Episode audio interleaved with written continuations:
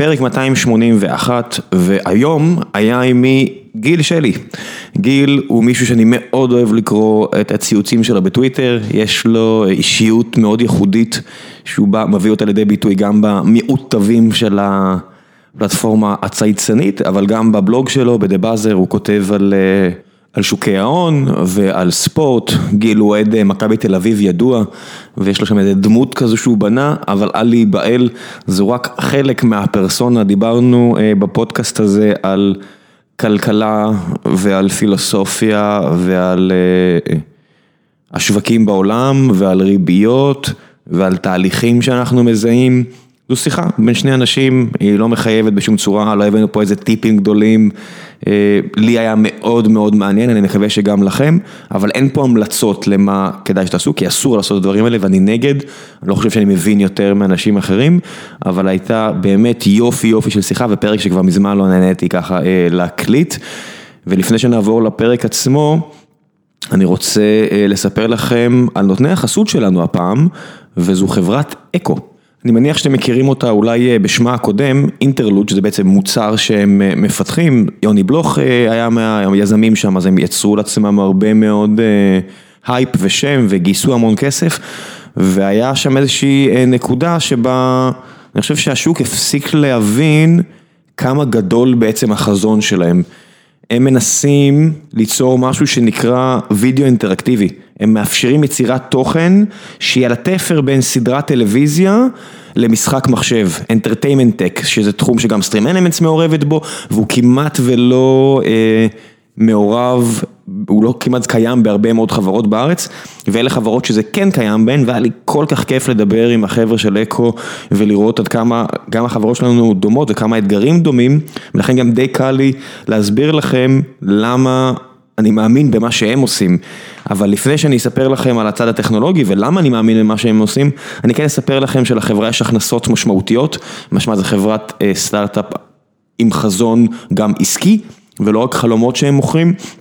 בניגוד להרבה חברות אחרות בארץ, המשקיעים בחברה כוללים בין היתר קרנות מובילות כמו סקויה, מרקר, NEA וכשסקויה מעורבת אתם יודעים שזה חברה טובה וגם גופי תוכן מאוד משמעותיים כמו וורנר מיוזיק, MGM, סוני אנטרטיימנט, גופים מסחריים כמו וולמארט, רק בשנה שעברה הם הקימו עם הקרן של וולמארט בהשקעה של רבע מיליארד דולר, קרן מיוחדת שנועדה להשקעה ביוצרים ותוכן, אז הם מעורבים בהרבה מאוד דברים ומה שהם מחפשים עכשיו זה לשפר ולטייב ולהגדיל את הצוות הטכני שלהם שכרגע מאויש על ידי אנשים מוכשרים והם רוצים להוסיף לחבורה המוכשרת הזו עוד אנשים, הם מחפשים מפתחים טובים. מאוד טובים, לאו דווקא צריך ניסיון בווידאו או בווב או ספציפית בטכנולוגיה כזו או אחרת, אם אתם מאמינים שאתם מפתחים טובים מאוד וצריך גם להבין שזה לא fake it till you make it, אז החסות הזו מיועדת לאנשים שהם באמת מפתחים חזקים או מכירים מפתחים חזקים ומי שמפתח חזק לרוב יודע שהוא מפתח חזק וזה האנשים שאקו מחפשים וקל לי להעביר את המסר הזה כי זה בדיוק מה שסטרים אלמנטס מחפשים, אז אני יודע בדיוק מה הקשיים שלהם בגיוס, הם מחפשים אנשים שיש להם פשן למגוון תחומים, יש להם מוזיקאים, צלמים, כותבים, יוצרים והמפתח אצלהם באקו זה הבנה שמפתח הוא הרבה מעבר למקודד, זאת אומרת קוד זה החלק העיקרי בעבודה, אבל אתה צריך שיהיה לך השפעה ישירה ועמוקה על המוצר והחברה והם מתעסקים בשלל אתגרים טכנולוגיים מהיצירה והסטרימינג של הוידאו והאודיו ועד לרינדור והקומפוזיציה של האנימציות המורכבות מעל הוידאו.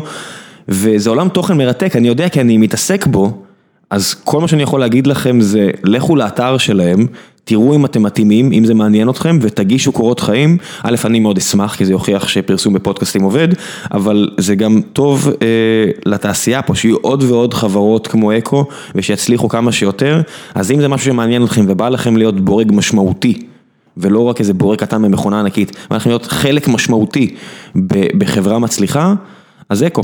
ועכשיו גיקונומי 281 עם גיל שלי, טייק 2, תהנו.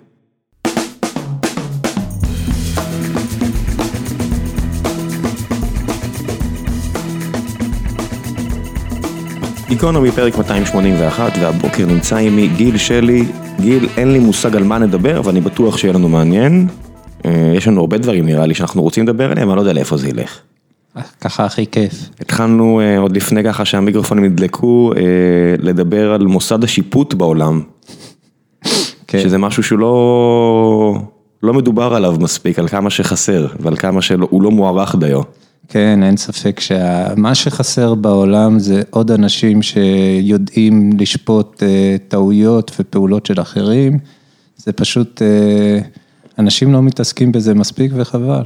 כן, כי אנחנו ממהרים אה, לדבר על המעט שאנחנו יודעים, זאת אומרת, אתה רואה נגיד משחק כדורגל, אז אתה רואה את התוצאה, את קצה הקרחון של המון המון דברים שקרו לפני כן, ואתה מדבר על זה כאילו זה כל הסיפור, כנ"ל על חברות כלכליות, או על מהלכים פוליטיים, או על הכל.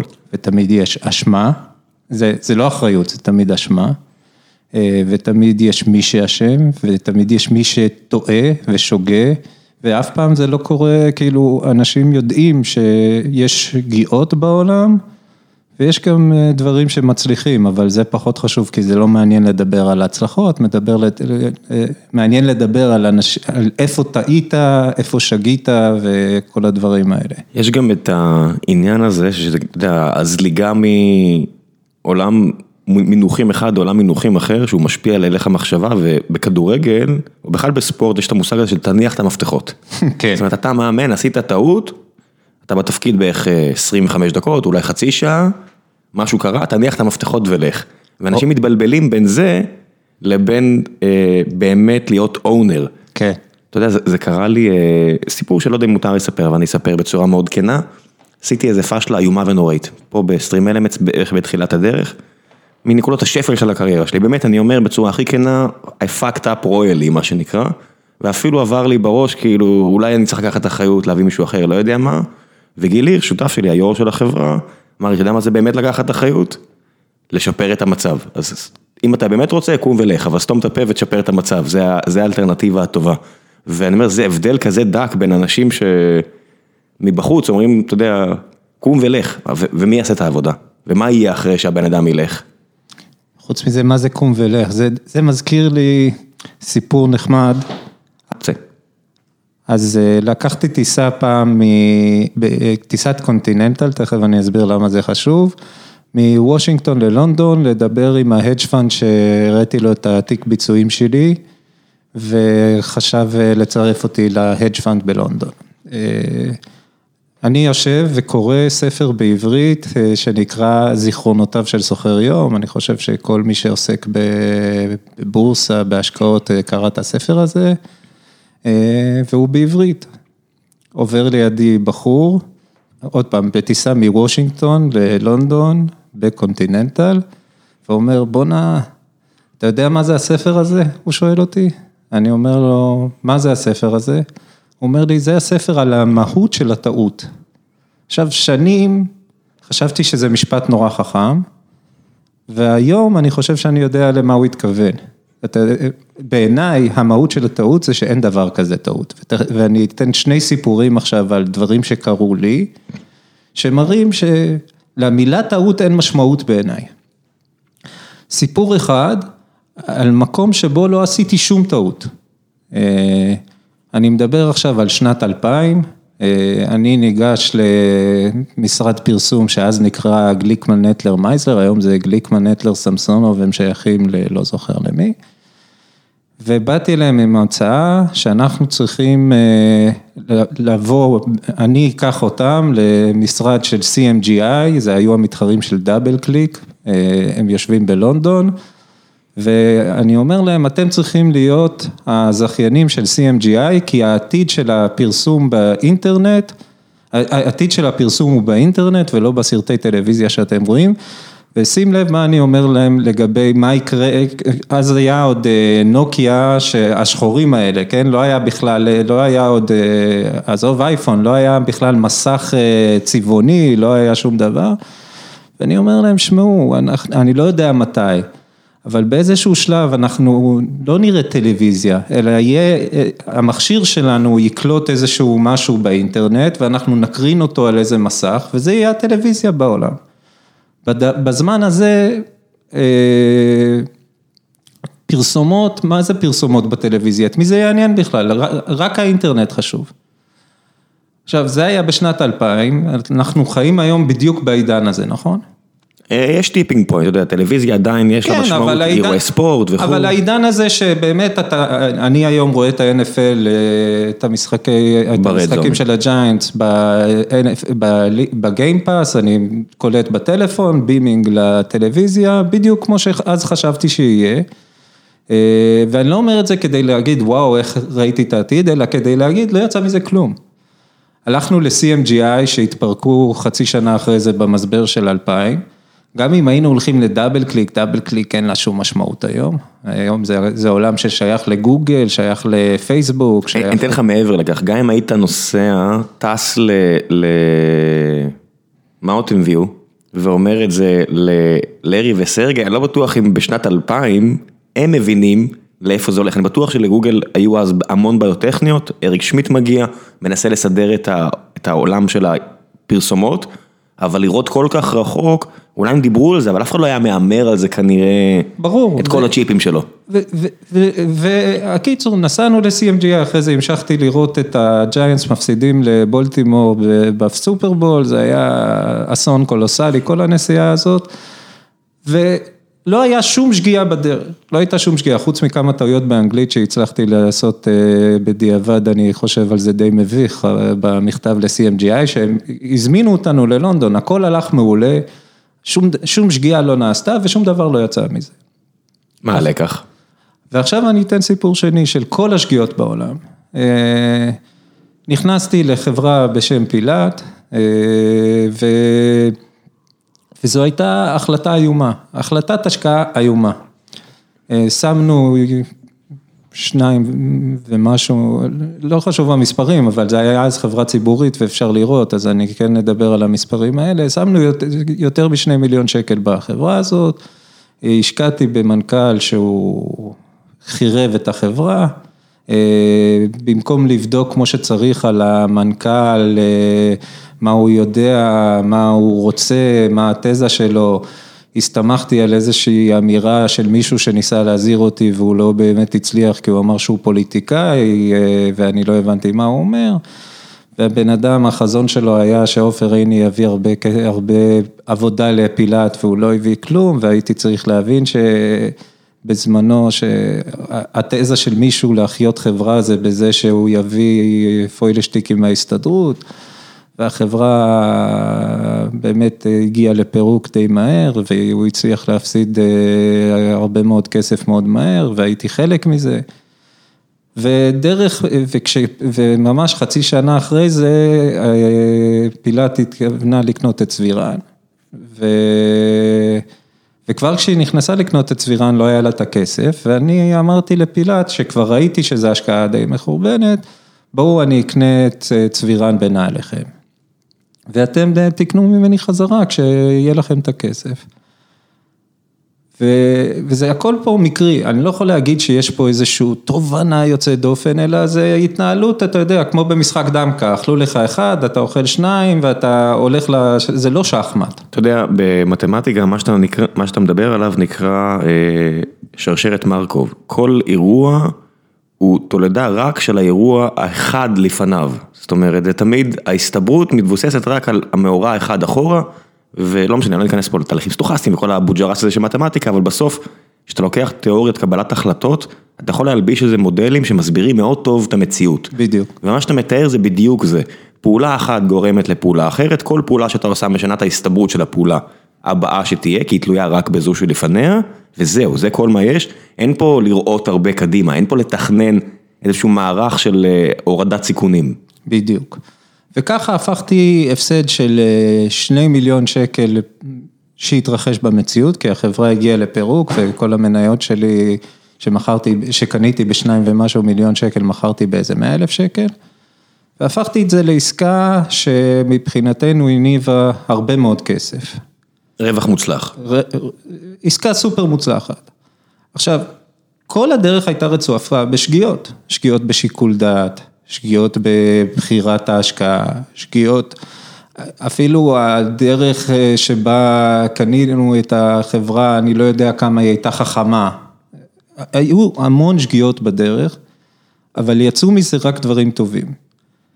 וזאת, וזה העניין עם שגיאה, עם טעות. אני לא יודע מה זה טעות, כי, כי אנחנו חיים בסרט ולא בתמונות אה, חתוכות. רציף ולא בדיד. רציף, אתה, כל השקעה שאתה עושה, היא לא נשפטת ברגע שבה השקעת. היא נשפטת לאורך התקופה שבה אתה מחזיק את ההשקעה שלך. אז בוא אני אתן לך עוד משהו. אני, אני אוסיף לך, לצייר לך לתמונה הזו שאתה מדבר, לעניות דעתי, או אתה יודע מה, בגלל שאני אתעלה על אילנות גבוהים, אני אוכל לדבר כי זה לא אני. אה, אדם חכם מאוד, ישראלי מהישראלים של פעם, מיכאל הר סגור, מכיר? הפרופסור להיסטוריה, מאלה שעשו פודקאסטים עוד לפני שזה נקרא פודקאסטים ועשה את זה יותר טוב מכולנו, אה, כתב גם ספר. ספר נקרא אה, רגעים היסטוריים, רגעים היסטריים. אני אאמר שלחלק לא מבוטל מהמאזינים שלנו, יש אותו בבית והם לא קראו אותו, כי בגלל כל המבצעים האלה של החמש במאה וכאלה, לכו לקרוא אותו.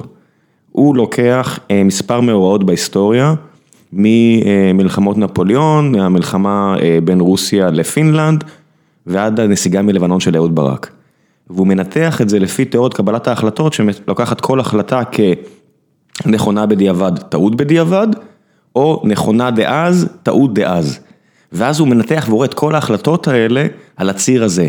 ואתה רואה למשל את ההחלטה של הפינים לפני מלחמת העולם השנייה לא להיכנע לרוסים. להגיד אנחנו נלחמים, אתה אומר בדיעבד, אז, זו החלטה מטופשת. כי הרוסים יש צבא גדול פי כמה וכמה וכמה, והוא מתאר בכמה פרקים את כל המלחמה הזאת שהיא מדהימה, מלחמת החורף אני חושב שזה נקרא, ובדיעבד הפינים עם קרב הירואי שבעצם מכחיד שם דור שלם של גברים, נשארים שם רק נשים פחות או יותר, עודפים את הסובייטים, ובתום מלחמת העולם השנייה סטלין אומר, לשם אנחנו לא חוזרים. זאת אומרת, הם לוקחים את לטביה ואת ליטא וכל המדינות האלה נהיות חור תחת בצד הזה של אירופה, כי הן לא מתקדמות, ופינלנד זה נוקיה ורוביו וכל האלה, רק בגלל שהיה שם גנרל שאמר, אני לא אוותר. זאת אומרת, טעות באותו רגע, החלטה נכונה בדיעבד. כן. וזה, אתה לוקח את זה, ואתה יכול להלביש את זה על כל כך הרבה דברים, שמה שאמרת, לקחת מנכ"ל, לא עשית בדיקה נכונה באותו רגע, אבל זה פתח שרשרת אירועים שהובילה למשהו נכון. בדיוק. כי, כי אנחנו לוקחים רק טעות, ואתה אומר, בסדר, אבל אתה זה אתה, אתה עושה עוד אלף ומאה אלף החלטות בין לבין.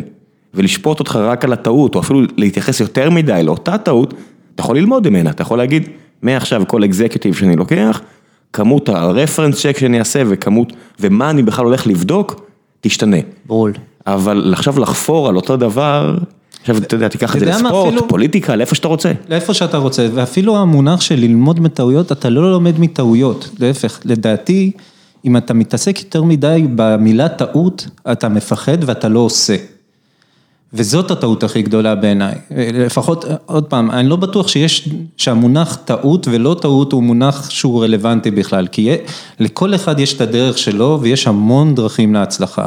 ראיתי אנשים שמשקרים את דרכם להצלחה אדירה, ראיתי אנשים יסודיים שמצליחים בזכות היסודיות שלהם, וראיתי אנשים שטחיים שבזכות האינטואיציה שלהם הגיעו לגדולות. יש מיליון דרכים להצלחה, ואין דרך אחת נכונה, וכמו שאין דרך אחת נכונה ורק בה אתה תצליח, אין דבר כזה שככה לעבוד זה טעות וככה לעבוד זה לא טעות. עכשיו אני אלך להשקפה שלי. בעיניי, בהשקעות, וזה מה שלמדתי, ההצלחה שלי בהשקעות תלויה בזה שאני אשקיע כמה שיותר. כי, ופה, זה אחת התובנות שהגעתי אליהן.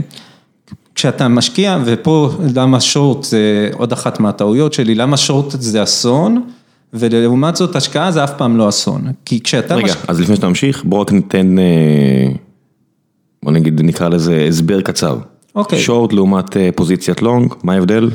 ההבדל המשמעותי מבחינתי שבשורט ההפסד שלך לא מוגבל. כשאתה מוכר מניות בחסר, זאת אומרת אתה אה, לוקח הלוואה שאתה אתה צריך להחזיר ואתה מחזיר אותה באמצעות המניות שיש לך, אז אם... אה, בפועל זה אומר, אנשים מכירים שורט כהימור על כישלון של חברה או פוזיציה כלשהי, בפועל מה שהם לא מבינים שכמו כל עסקה שהיא מכשיר פיננסי טיפה יותר מורכב מלקנות מניות, מה שנקרא long, אה, יש side effects, אחד ה side effects הן שאתה לא מוגבל, אתה יכול לשים איזושהי ערבות לאיפה שאתה לא משקיע ואתה יכול להגיד לו שברגע שנגמרת הערבות הזו, נגמרת הפוזיציה, הוא יסגור לך אותה, אבל זה לא באמת מתואם, זה לא שאתה קונה עכשיו מניות של אפל ב-100 שקל, ואם אפל מחר נעלמת, הלך 100 שקל. בדיוק. אם אתה עכשיו אה, סוחר short מדופלם, ואומר, אה, מבחינתי טסלה זה פיקציה, אני מהמר שטסלה תגיע לאפס דולר.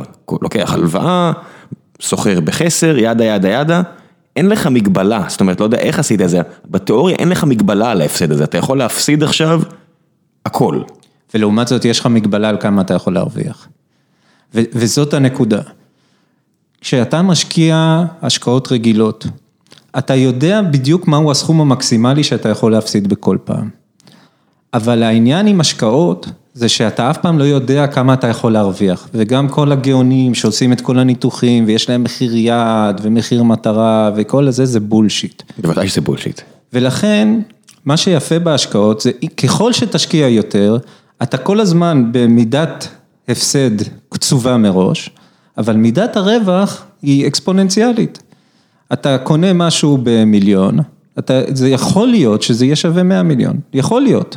היו דוגמאות מעולם. זה, אומרת, זה קורה. תיקחו את הגרפים של נטפליקס, של אמזון, של אקספידיה, של כל מיני חברות כאלה, אלפי אחוזים של עלייה מאז שאתה אמרת שנת 2000. כן. אני אתן דוגמה אישית שלי, הייתה חברה בשם ננוגן, שאיזה גאון בחר לנו את המניה, קנה את המניה בדולר, ב-113 הוא סירב למכור, כי מה פתאום וזה. ומכרנו אותה בסוף בשני דולר, אז לא משנה, העניין זה שזה יכול לקפוץ מדולר ל-113. 13 אלף אחוז עלייה. כן, וזה יכול לקפוץ, מ... וזה... ואתה קונה משהו בארבעה מיליון, זה בכלל לא מופרך שהוא יהיה שווה 20 מיליון אחרי עשר שנים. זה גם לא מופרך שהוא יהיה שווה אפס. וזה לא מוכרח, אבל אם הוא יהיה שווה אפס אז הפסדת ארבעה מיליון, ואתה יודע כמה אתה יכול להפסיד. קצוב. קצוב. לעומת זאת, אם זה הופך ל-20 מיליון או ל-30 מיליון או ל-100 מיליון, זה אתה לא יודע ואתה לא צריך להתעסק יותר מדי בלחשוב. כי מה שטוב בהשקעות, זה שמונח ה-home run הוא, הוא אינהרנטי לתוך העניין.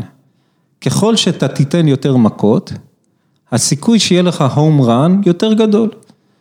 ומספיק home run אחד כדי לכסות על ארבעה, חמישה, שישה הפסדים קצובים מראש, אם אתה תכננת את זה נכון. תיארת עכשיו בדיוק את המודל של הון סיכון. נכון. הון סיכון, בטח במובן הטכנולוגי שלו, אם לא במובן הפיננסי הישן של גידור, ששם זה, זה משהו אחר לגמרי, אז יושבים פה מולנו הרבה קרנות מפוארות כמו Lightspeed, פיטנגו, כל מיני כאלה, מיותר מפחות, וזה בדיוק המודל שלהם. הם לא יודעים מי יצליח, אבל הם מפזרים את הסיכונים שלהם בצורה כזו, שאמורה להיות חברה שתחזיר להם את כל הקרן. והנה בדיוק העניין הזה, שאתה שומע בחדשות על איזה חברה שנמכרה, ואתה יכול להתקשר למשקיע ולהגיד לו, נכון אתה מבסוט? הוא אומר לך, לא, כי אני צריך שתצליח הרבה יותר. כן. כי, הצלחת, כי הרבה הצלחות צנועות לא מכסות על העובדה שאתה גם תיכשל, אתה צריך את ההצלחות האדירות האלו. בדיוק. ועוד דבר, זה עוד פעם, במה מתרכזים אבל כל הזמן? לא בהצלחות ולא ב... לא, סליחה, בהצלחות מתרכזים בסיפור, תמיד יש איזה גאון שחשב על זה מראש והיה לו את ה foresight. ש... 12 מהלכים קדימה, בטח. כן, שהוא פשוט היה גאון, וניסיתי להסביר קודם כמה זה חסר משמעות כל ה foresight הזה וכמה התובנות האלה מראש, שזה לא בהכרח מוביל לשום דבר. ו... אבל נורא גם אוהבים להתמקד בכישלונות. האיש קיבל, האיש הפסיד מיליון שקל, איך אפשר לתת לו לעשות עוד משהו? אתה קורא את זה כל הזמן בעיתונות הכלכלית, בספורט, לקחת שחקן בשני מיליון שקל, הוא לא שווה שום דבר, איך אפשר לתת לו לבחור עוד שחקנים? תחזיר את המפתחות. תחזיר, שים את המפתחות, נכשלת, לא משנה כן. מה עשית קודם, לא משנה מה תעשה אחר כך, נכשלת. וזה הכל בולשיט. כן, מה גם שיש לנו פה תעשייה שלמה שלא מתנהגת ככה. תעשיית היזמות בארץ מתגמלת אותך מאוד על עשייה, היא לא בהכרח מתגמלת אותך על הצלחה גדולה. נכון. לפחות בניסיון הבא, זאת אומרת, אתה תקבל עוד צ'אנס. אף אחד לא יביא לך כסף אם נכשלת, אבל... ומה שאני מנסה להגיד שבצדק, כי אתה לא צריך להיות גאון כדי להצליח, ואתה לא צריך להיות, אה, ואפילו אתה לא צריך להיות בעל מזל יוצא דופן כדי להצליח. מה שאתה צריך זה להמשיך ולעבוד, להמשיך ולעשות ולהמשיך ולהתעלם זה להיות אילי מנינג של השקעות, שהזיכרון שלך לכישלונות יהיה קצר מהבחינה שזה לא ישפיע על הצעד הבא שלך, כי יהיו כישלונות. תשמע, אני יכול לתת לך דוגמה שאני מניח שאתה לא תאהב אותה, ו... אבל אני חושב שהיא נכונה, ומישהו שלא מביאים לו הרבה קרדיט, זאת אומרת מציינים את שמו, טדי שגיא. עכשיו יצא לי להתקל בו באיזושהי סיטואציה בגלל חברה לשעבר, וזה בן אדם שקשה לפענח אותו, כי הוא מגיע כמו בן אדם שלא, שמפתיע, אתה יודע, בן אדם הולך בטרנינג ורוד לפגוש אותי, ומדבר כמו בן אדם כזה או אחר, ואתה רואה את, שרש, את כמות ההחלטות שהוא עשה, הוא עושה בדיוק מה שאתה מדבר, כמות העסקאות שהוא עשה, והוא השאיר שובל של אנשים, במיוחד בתעשיית הטק, שלא יגידו עליו דברים כאלה טובים. אבל מה, שהם ימשיכו לדבר, כי הבן אדם לא סתם הוא אחד העשירים הוא אולי הישראלי הכי עשיר היום, לא יודע מה זה משנה, לא מעניין אותי המדרג הזה. בדיוק. מיליארדר, מיליארדר כן. בדולרים. כמות העסקאות שהוא עשה בסופו של דבר, והעסקאות המוצלחות, זה בדיוק מה שאתה אומר. אף אחד שמדבר עם, עם מאור שגיא לא, לא יטעה ויגיד, הוא גאון. אבל מה? את כל מה שקשור להשקעות פיננסיות, הבן אדם תותח על. התחושות בטן שלו, שהוא בנה איזשהו אה, אלגוריתם קבלת החלטות, גם אם הוא לא יודע שזה מה שהוא עשה, שהוא ברמה הכי גבוהה. ברמה הכי גבוהה, אתה רואה שהוא גם לא עשה הימורי פישמן כאלה, של בוא, בוא ניקח הימור על איזשהו מטבע. בבירור זה לא מה שקורה, זה לא מזל, לאורך זמן, זה לא מזל, כי פישמן לאורך כל הדרך נכשל, פשוט שיקרו לנו, ציירו מעטפת שלמה שהסתירה את העובדה שהוא כל הדרך נכשל. מהצד השני, פה יש לך בן אדם שלפי מיטב הבנתי, עשה המון החלטות נהדרות. וזה בדיוק העניין, עוד פעם, ואני אומר, אין נכון ולא נכון, וגם לא צריך להיות גאון, כשאתה יודע, הרבה אנשים נתלים בטראמפ ואומרים הוא מיליארדר, אז הוא בטח חכם. אה. זה לא קשור, אוקיי? ואני לא אדבר עכשיו על העניין שהוא מהמוכשרים האלה שהפכו מיליארדים למיליונים, אוקיי? זה לא העניין, אתה לא צריך להיות גאון כדי להצליח, יש, אתה יכול להיות גאון ולהצליח, אבל זה שהצלחת לא אומר שהיית גאון. ואתה יכול להיות טמבל ולעשות המון החלטות מעולות. פשוט מעצם זה שאתה מסוגל לקחת ולהמשיך ולהחליט, להמשיך ולהחליט, להמשיך ולזרוק את החץ, להמשיך ולזרוק את הכדור, ולא לפחד מזה שבפעם, בעשר פעמים הקודמות אתה פספסת את הכדור. ובעצם זה שאתה ממשיך, אתה מצליח. כן, ותראה את זה על, על חברות למשל, אתה רואה את זה למשל בתהליכים של product management, היכולת לשחרר ניסויים וללמוד מהם, בניגוד ללהמר בגדול על ניסוי אחד, או לעשות תמהיל כזה של הימורים בגדול על משהו שיניב לך הרבה תשואה, במובן של חברה, או הרבה הימורים שתראה מה יפגע. ואתה רואה חברות שהן משותקות, מייקרוסופט שלפני נדל"ן, מייקרוסופט של אחרי, של אוקיי, יש לנו את מייקרו, יש לנו את Office, יש לנו את Windows, זה מה יש. פתאום מגיע חברה שעצם העובדה, מנכ"ל חדש, שעצם העובדה שהוא עושה כל כך הרבה דברים, חלק מהדברים פגעו וזה מיד שינה את כל ה... המנטליות של החברה היא טריליון דולר, בום, פי שלוש של הכסף בשנים מאז שהוא הגיע. וזה בדיוק העניין הזה של לעשות הרבה. זה בדיוק בזוס גם, בזוס באמזון. כן. הוא, הוא, הוא, הוא, הוא פשוט כל הזמן עושה, אז יש המון, Amazon Phone, מישהו זוכר את זה בכלל? השקיעו בזה המון כסף. סחבק עבד עם Lab 126, החברה הטכנולוגית שעשתה בדיוק את זה, בטקס הסימפטומט, זה מה שעשינו בין השאר, הם עשו את ה Kindle Fire ואת כל הדברים האלה. כן, וזה, אבל זאת הנקודה, ואנשים, they are obsessed with it, אנשים נורא נורא נדבקים לעניין הזה של טעות זה איזשהו אסון, טעות זה, איזושהי, זה איזשהו פשע שהאדם ביצע כנגד האנושות, ואנחנו חייבים לנתח את הטעויות, להבין אותן, לשלם עליהן, כן. יש טרמינולוגיה שלמה על המונח טעות, והטרמינולוגיה הזאת היא כל כך מיותרת. והטרמינולוגיה הזאת כל כך משתקת. אני אגיד לך, מילא, אם הייתם באמת עושים מה שאתה אומר, מילא אם היינו מנתחים את הטעות והולכים בשרשרת כל הצעדים, היינו רואים מה היה האלגוריתם קבלת ההחלטות בכל שלב, אבל אנחנו לא עושים את זה. אנחנו נדבקים בזה של 120 תווים, או... טקסטים של 500 מילה בעיתון שמבחינתי שווים ערך ל-120 תווים כי לא נאמר בהם כלום. בדרך כלל קצת פחות. whatever, אבל לא נאמר בהם הרבה פעמים כלום. לא, אני אומר קצת פחות ערך מה-120 תווים. אה, כן, כן, כי זה אפילו לא משעשע, זה כן. סתם אה, מיותר. וזה בדיוק זה, כמה חפירות על, בדיוק ניקח את פישמן, על העובדה, מה שאני אמרתי שהוא לקח הימור על מטבע, אבל מה קרה כל הדרך אחורה, נגיד למה הערך הסגולי של רולניק שאני מביא לו את הקרדיט על העניין הזה בדיוק? כי הוא ניתח כל הדרך אחורה, את הקשר עם הבנקאים, את הקשר עם זה, זה כל כך הרבה יותר חשוב ומעניין, מאשר להגיד, הוא לקח פוזיציה ללירה הטורקית. בסדר, גם ג'ור סורוס לקח פוזיציה על משהו אחר והצליח והוא מיליארדר וכולם אוהבים אותו. בסדר, זה לא מעניין. בדיוק. מה אפשר את העניין הזה בשני המקרים, זה כל כך הרבה יותר מעניין. תנתח, אבל באמת תנתח. ואמרת, על, דיברנו על אה, מוסד השיפוט.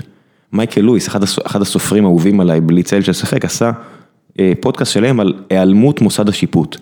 יודע, כולנו חושבים שאנחנו שופטים, אבל איבדנו את הערך של מה זה באמת להיות שופט. שופט זה לא רק לתת את הגזר דין, זה לקרוא את כל הראיות ולה, ולהעמיק.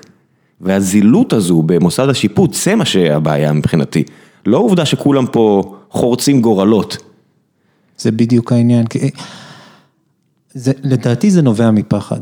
אנשים, אנשים נורא מפחדים אה, לטעות. אנשים, וזה נורא מחזק אותך לראות טעויות של אחרים, כי זה אומר לך, אה הנה אתה צודק שאתה לא עושה. ו, ואנשים נורא מתאהבים בפוזיציה הזאת, כי, כי היא פוזיציה שמאוד מרגיעה אותך. שאם אחרים טועים, אז אולי עדיף שאני לא עושה עשיתי. יותר מדי. ו, וזאת, וזאת נקודה, ובעיניי הטעות הכי גדולה שיש זה פחד.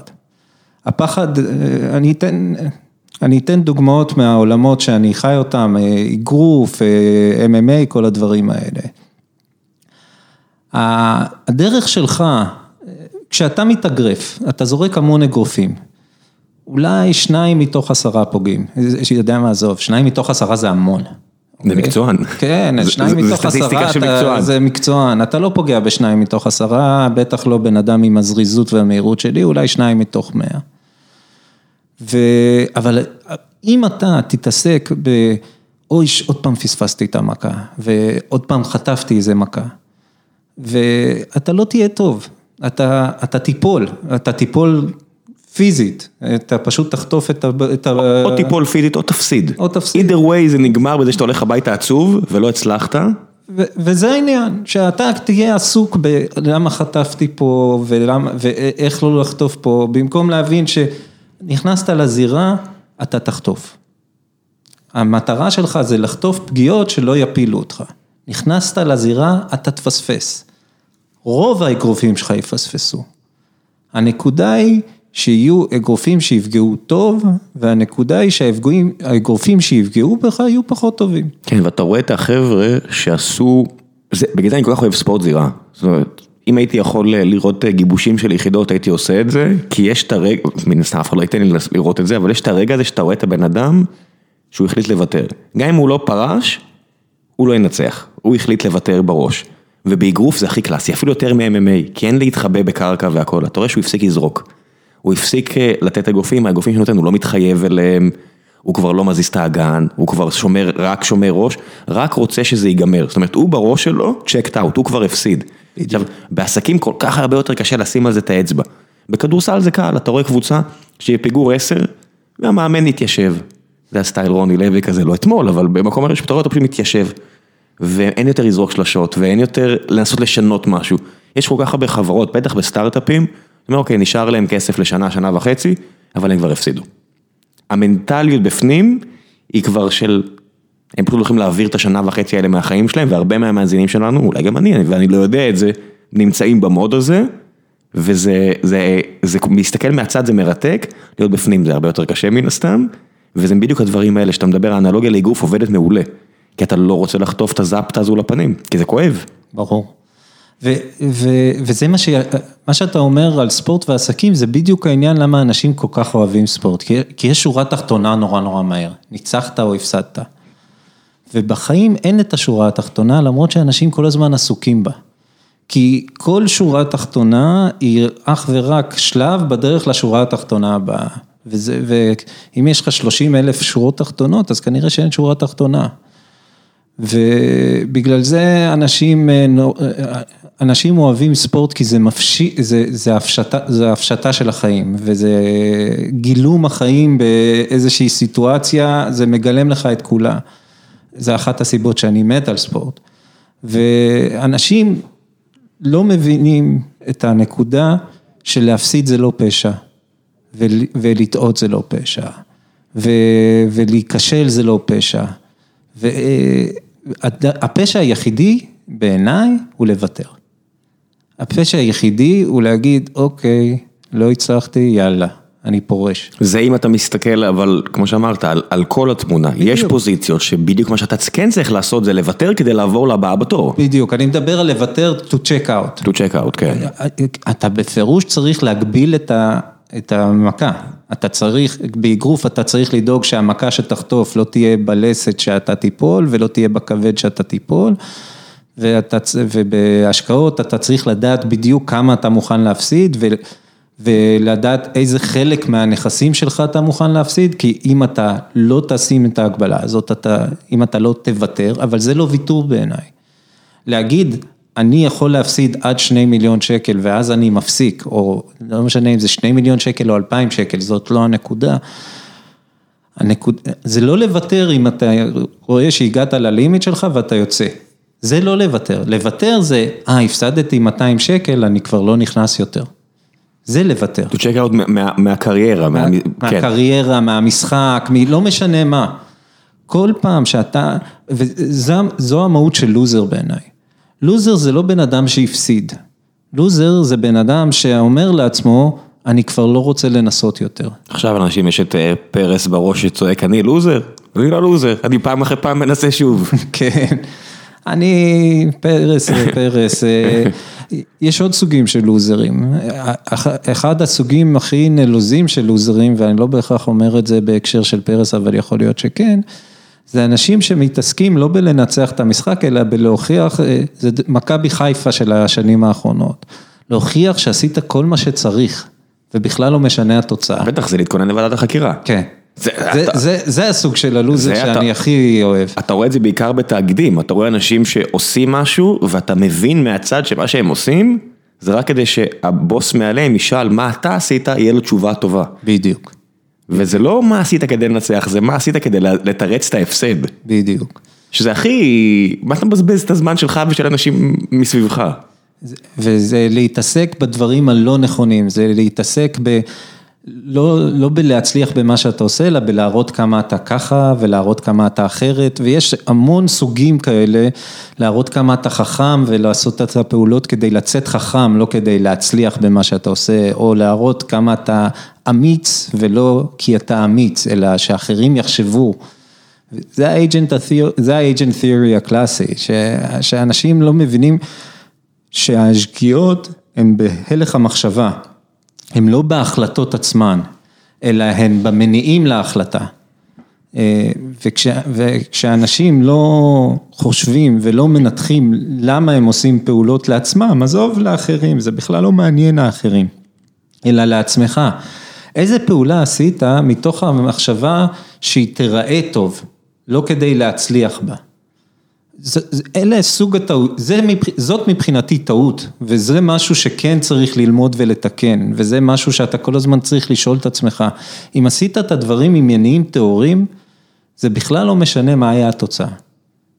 אם עשית דברים ממניעים לא טהורים, זה עוד פעם, לא משנה מה היה התוצאה, כי אתה כן, אתה יכול להצליח גם מפעולות שעשית כדי להיראות יותר טוב. יש מלא אנשים שמצ... שמצליחים כי הם רצו להיראות נורא נורא חכמים והם בחרו במקרה בפעולה שעשתה אותם להיראות נורא חכמים.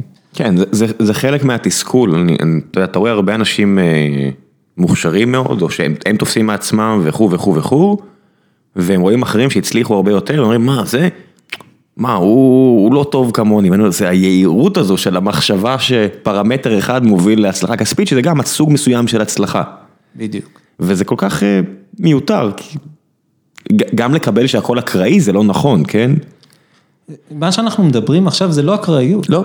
זה, אין, אין פה, זה לא הכל אקראי, יש המון אקראיות, יש המון רנדומליות, אה, אה, יש המון אי סדר ביקום, יש המון אי סדר בחיים שלנו, יש, ו, ויש המון חוסר שליטה בחיים שלנו, אבל עדיין אתה יכול לשלוט בעצמך, עדיין אתה יכול לשלוט בפעולות שלך, ובן אדם בלי שליטה לא יצליח. איך אתה למשל עכשיו, בסיטואציה הנוכחית שהיא סופר מבלבלת כלכלית, יצאת עכשיו איזושהי פוזיציה, אי אפשר לדבר יותר מדי על מה, מה קרה. אבל הייתה החלטה מעולה שלך, מה הלאה? כשאתה מסתכל עכשיו סביב, כל העולם הכלכלי, להגיד שהוא לא ברור זה understatement גדול, איך אתה מנתח את מה שקורה עכשיו אה, סביבך ואיפה אתה רואה פוזיציות טובות? בלי להיכנס יותר לפרטים, כי אם אתה אומר, אז זה מבטל את... אה, כן, אני, אני אדבר במקרו, כי אני מתעסק, במ... כי לדעתי דווקא אנחנו נמצאים בתקופה די ברורה, ואני מדבר על זה בערך מ-2009 בבלוג שלי בליגת שוקי ההון בדבאזר. נשים לינק. אה, בעיניי העולם הוא גלגל שיש בו מחזוריות מסוימת. היינו במחזור מסוים ודיברנו על זה נדמה לי בפודקאסט הקודם שהייתי פה, בין 1950 ל-1980, שבהם אנש... חברות, אנשים הרוויחו כסף מעבודה.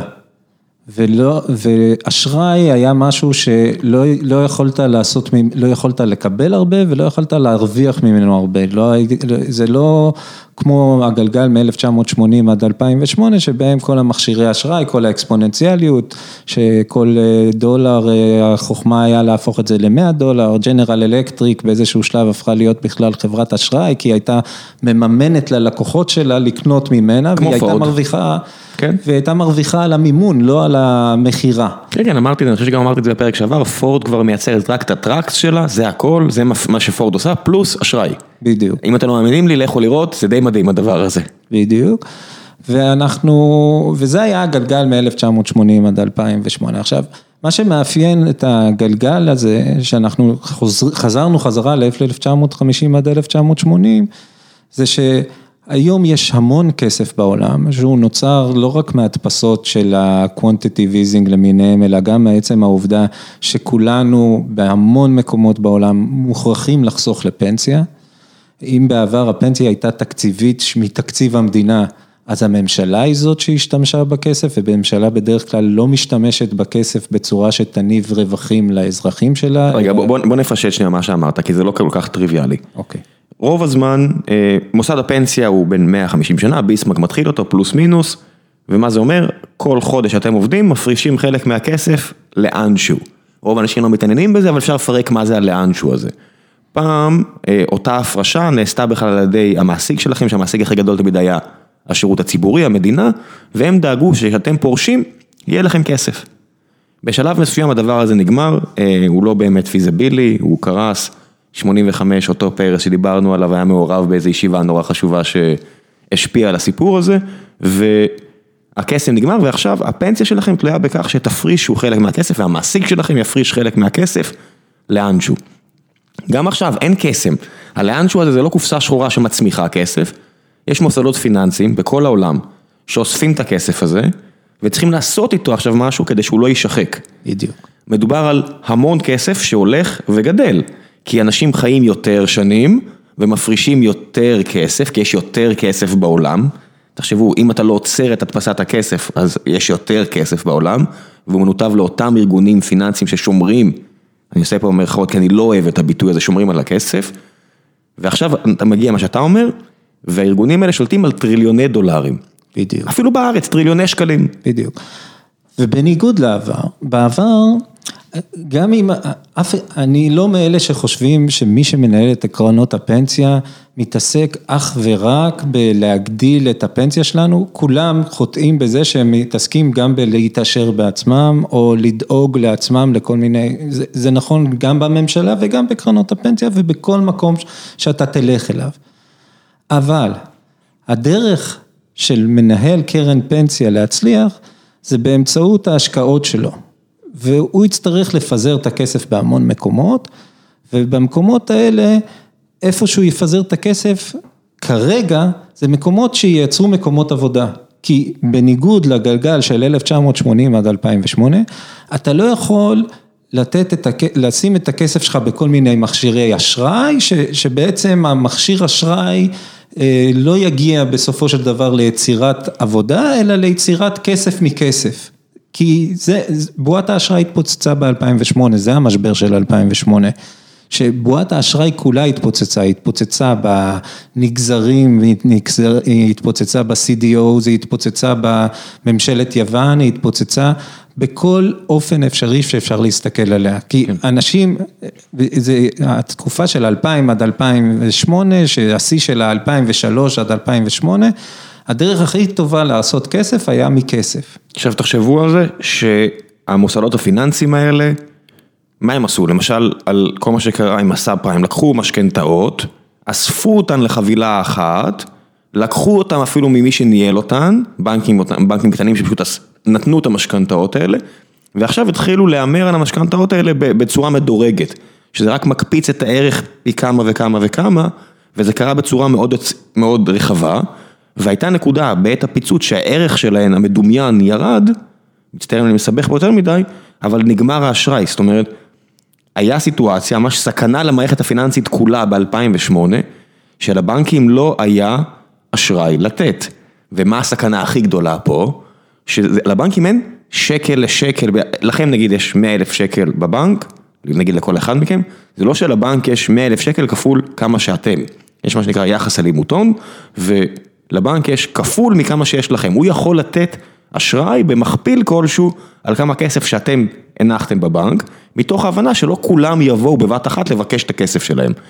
זה איזושהי הבנה מוסכמה חברתית כזו, המדינה אפילו בארץ לכם מבטחת עד 125 אלף שקל, משהו כזה, למקרה ומשהו יקרה לבנק, המדינה תחזיר לכם עד סכום מסוים. כן. ומה קורה שנגמר האשראי של הבנק לתת?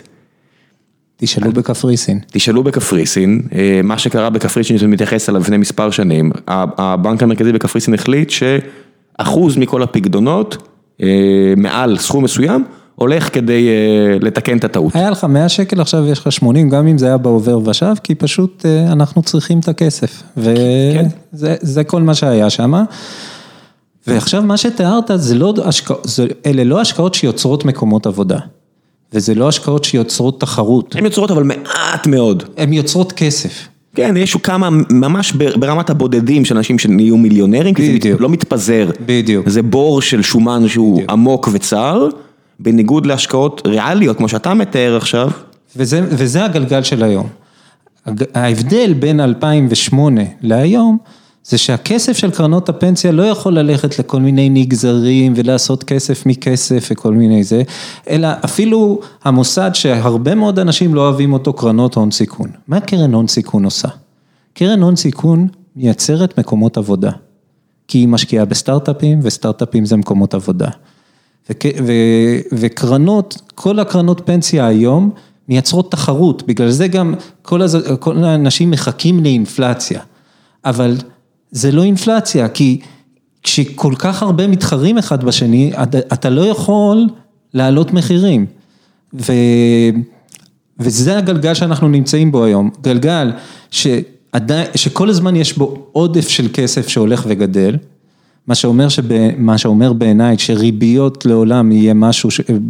בגלגל הזה, הריביות יהיה משהו שמאוד יהיה קשה להשיג, כי כל פעם שמישהו רואה ריבית, תשואה כלשהי, יש לו מיליון משקיעים מאחוריו שרוצים לקבל בדיוק את התשואה שאתה רוצה. ומצד שני, לא מבינים איך זה ששיעור האבטלה בעולם המפותח הוא היום בשפל היסטורי. הוא במינימום. אין, כנראה שאין מינימום. לא, יש מינימום. כי אנשים חשבו שיש מינימום. לא, בתיאוריה הזאת של שלוש או כן. שתיים וחצי אחוז, כי אתה... כי אתה חייב להשאיר אחוז לאנשים שהם בין עבודות. אז אני יכול לספר לך ששלוש או שניים וחצי אחוז, ב-2004 או 2005, אנשים אמרו שחמישה אחוז זה תעסוקה מלאה. עכשיו זה כבר שלושה אחוז. ועכשיו אנחנו כבר נמצאים בשיעור אבטלה של בגרמניה 2.8, אם אני לא טועה, אני לא זוכר, אני לא עדכני על המספרים, אבל גם בישראל אנחנו מתחת לארבעה אחוז, אנחנו שלושה ומשהו אחוז, בארצות הברית אותו דבר, וזה בתקופה שכולם אומרים אין צמיחה. אה, אין צמיחה יציבה או כל מיני דברים אחרים. ובעיניי זו תקופה נפלאה לעשות, אה, התובנה שלי מזה, שאיפה שאתה רואה תשואה, תיקח אותה. אני למשל יכול לספר על עצמי שאני אה, מחפש תשואות היום, ב, למשל אני אספר, בודפסט. אני, חבר שלי שהוא בלוגר מפורסם בתחום הספורט דופן, חי בבודפסט הרבה זמן. והוא בינואר קרא לי לבודפסט, אמר, אתה חייב לראות מה קורה פה. מעיתונאי הספורט המוכשרים שכותבים בעברית. כן. אה, וגם בן אדם סופר מוכשר בכל תחום שאפשר לחשוב עליו, ועם המון ידע בהמון תחומים. קיצור, אני מגיע לבודפסט, ומה יש בבודפסט? יש עשרה מיליון תיירים בשנה. שזה אחת הערים הכי מתוירות באירופה. לשם השוואה, בישראל כארבעה מיליון, בכל ישראל כארבעה מיליון, ישראל. בבודפסט, עיר עש... בירה של הונגריה, עשרה מיליון תיירים בשנה. כפול שתיים וחצי. כן. עכשיו, עשרה מיליון תיירים בשנה, אוטוטו מקימים שם את הרכבת לווינה. אין הרבה בתי מלון, ובסופו של דבר, אנשים שבאים צריכים לגור איפשהו. ואתה הולך, והמחירים של, אתה קונה שם דירות, שאחרי השיפוץ שלהם זה יעלה לך משהו כמו 2,000 יורו למטר נגיד. שנייה, לא סתם גם ציינת, וינה העיר עם איכות החיים הגבוהה בעולם לפי כל פרמטר אפשרי, יש עליה לחץ מאוד גדול של אנשים שרוצים לבוא לגור בה, או הרבה פליטים. או לעבוד בה. בעיקר, כן, להתעסק בה, זה, זה, וינה זה עיר ענקית, יש יותר כן. משני מיליון אנשים, אני לא טועה, ותסתכלו על מה קורה מסביב, זה בודפסט שאתה מדבר עליה עכשיו, ברטיסלבה. סלובקיה שנמצאת בדיוק שעה נסיעה משהו כזה, אנשים חושבים מדינה אחרת, אבל בפועל זה באר שבע תל אביב. בדיוק, בדיוק, ורבע מהמחירים בווינה, גם כן. בברטיסלבה וגם בבודפסט. ובואו ניקח לשם השוואה, 2,000 יורו נגיד שזה 8,000 שקל למטר, בתל אביב יהיה לך מאוד קשה למצוא... מתחת ל-40, 35? מתחת ל-40 אתה לא תמצא, אני בצפון תל אביב גם מתחת ל-50 אתה לא תמצא. כן, דיברתי על הברטיסלבה כן, של תל אביב, בלי לפגוע במי שגר כן, בברטיסלבה של תל אביב. אז המחירים שם לא יקרים, ובסוף, וכשיש עשרה מיליון תיירים, ושזו הפרנסה של העיר, Airbnb חוגג שם. עכשיו, יש שם מחסור עצום בדירות Airbnb, מה שאומר שהתשואה שלך היא גבוהה. אם אתה, אם אם האחוזי תפוסה הם, והם מעל 90 אחוז, ואם ה... בסופו של דבר Airbnb זה אנשים שבאים מאירופה להונגריה, אז הם משלמים ביורו, וההכנסות שלהם זה לא הכנסות של הונגרים, אלא הכנסות של אנגלים שבאים לשתות, ישראלים, אל תלך רחוק, ישראלים, הכנסות של גרמנים, הם יכולים להרשות לעצמם לשלם. מה שאומר שהתשואות כנראה גבוהות, וזה כבר לא כנראה. ואז אתה רואה שאתה לא גאון במיוחד, ושאתה לא חכם במיוחד, ושמה שאתה זיהית פתאום מינואר עד אה, מאי, כל העולם ואשתו נכנסים אחריך, ופתאום המחירים קופצים והם יקפצו עוד. והשאלה הקלאסית, טוב, כמה זה יכול לעלות? וואו, אף אחד לא יודע את התשובה לכמה זה יכול לעלות. יש סכנות, אתה יודע, כמו בכל מדינה משוגעת כמו שלנו, נכון. יש את הסכנה של איזה אורבן שהולך אה, להשמיד ערך. בכל מקום יש סכנות, אבל בסופו של דבר, מה שאותי מעניין היום זה התשואות. אם אתה מוצא מקום עם תשואה, אם אתה מוצא מקום שבו לעשות 8% על הכסף שלך בשנה זה no brainer, זה צריך לקרות יותר מדי דברים בשביל שלא תעשה, תקפוץ על זה. כי... כי אין מקום אחר לעשות שמונה אחוז. בדיוק. כי פשוט...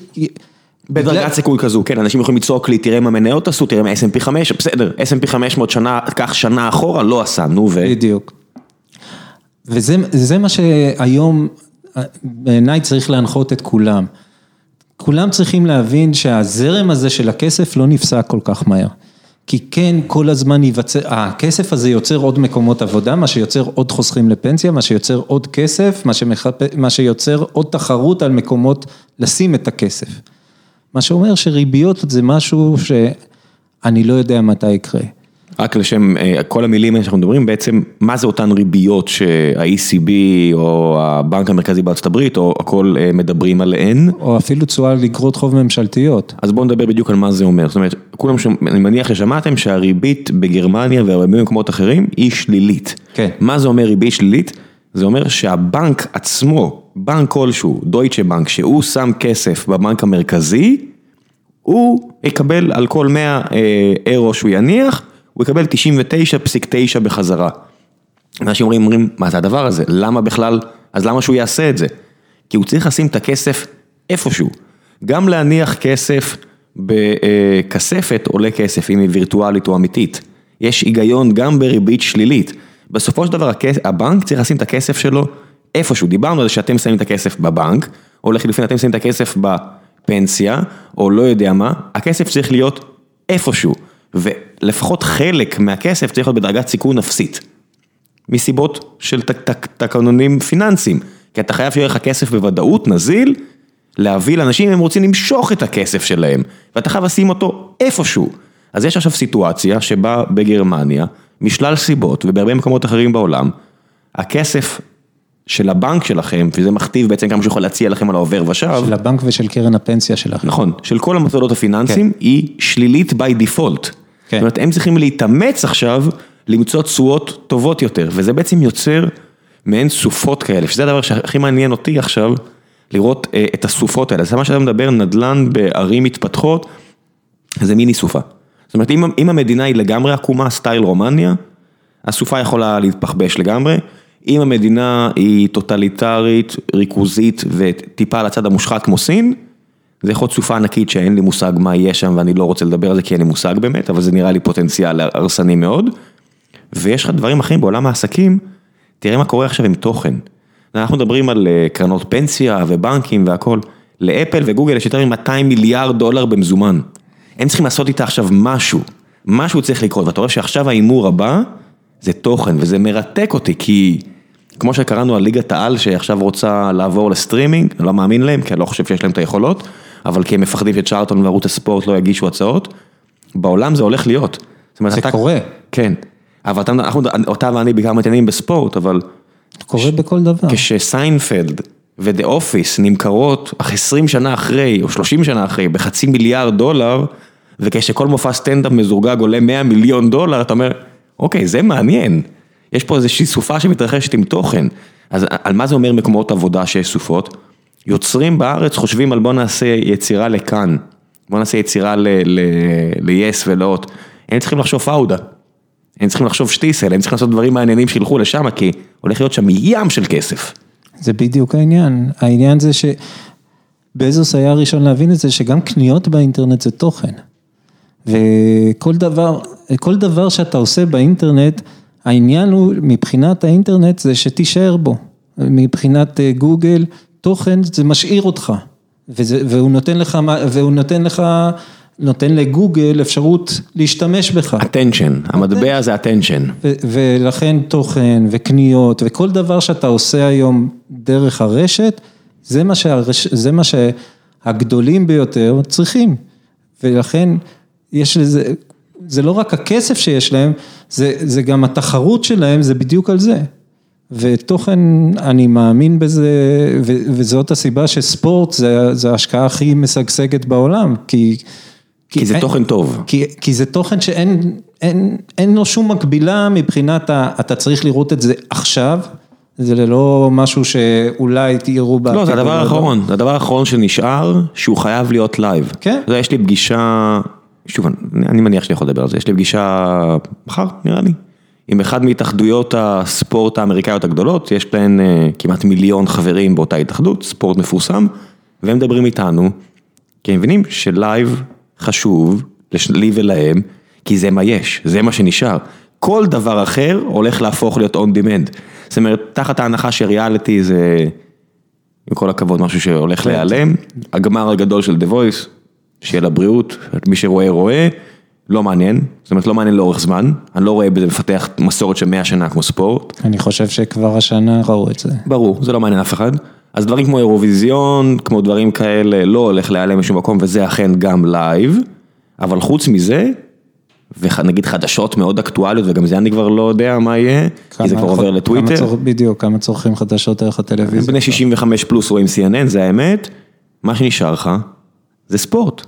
בדיוק. ספורט וצורות תוכן אחרות שכרגע הם מחוץ לרדאר של רוב האנושות ואני מתעסק בהן, אבל זה גם live, שזה מערב גם את, ה, את, ה, את הקהל מסביב, אבל העניין הזה של live לעומת לא live זה גם מיני מהפכה קטנה. בדיוק. שהיא בדרגת סיכון הרבה יותר גבוהה מנדל"ן בבודפסט, צריך להגיד את האמת. בסדר, אבל זה חלק מהעניין. וזה זה, סופר מעניין. זה סופר, זה סופר מרתק, ובעיניי אנחנו נמצאים בתקופה הכי טובה להשקעות, דווקא בגלל זה. דווקא בגלל שכל כך הרבה, כי הכל הרבה יותר יציב בעיניי. כשאתה משקיע בנגזרות אשראי, אתה יודע שזה יכול להתפרק כמו מגדל קלפים מהר מאוד. אתה אף פעם לא יודע מתי זה, למען האמת אפילו ידעו, ב-2008 היו מספיק אנשים שידעו בפברואר שזה מגיע השנה. באמת, היו, אני יכול להגיד שבמקרה לחלוטין, אני הייתי אחד מהם, הייתי אז בקרן גידור, ו... וזה היה מצחיק, כי כולם ידעו את זה. באמת כולם ידעו, זה, הסיפור של אי אפשר היה לראות את זה מגיע, זה בולשיט. מה כולם יודעים היום שהולך להתרסק? והיום אנשים מנחשים שזה הולך להתרסק, ואני לא רואה שום סיבה להתרסקות, כי, כי זה לא מגדלי קלפים. גם השאלה, מה, מה התרסק? מה זה אומר זה הולך להתרסק? בדיוק. מה זה זה? בוא תצביע לי על זה. כי ב-2008 זה היה משהו מאוד ספציפי שהתרסק. אשראי. כן, אז אני אומר, אנשים מצביעים על WeWork. אדם נוימן לפני כמה שעות מודיעים שהוא כנראה יפוטר, יתפטר, יתפוטר. רבים שם על אם הדירקטור השביעי יהיה בעדו או נגדו, אני אומר, עם כל הכבוד, הוא fuck cares. ממש. חברה של, זה לא חברה של 47, אז זה חברה שכבר עשרה מיליארד, יצרו ערך במשרדים האלה, אבל באותו מידה יכול להיות שם מחר סטיקר אחר.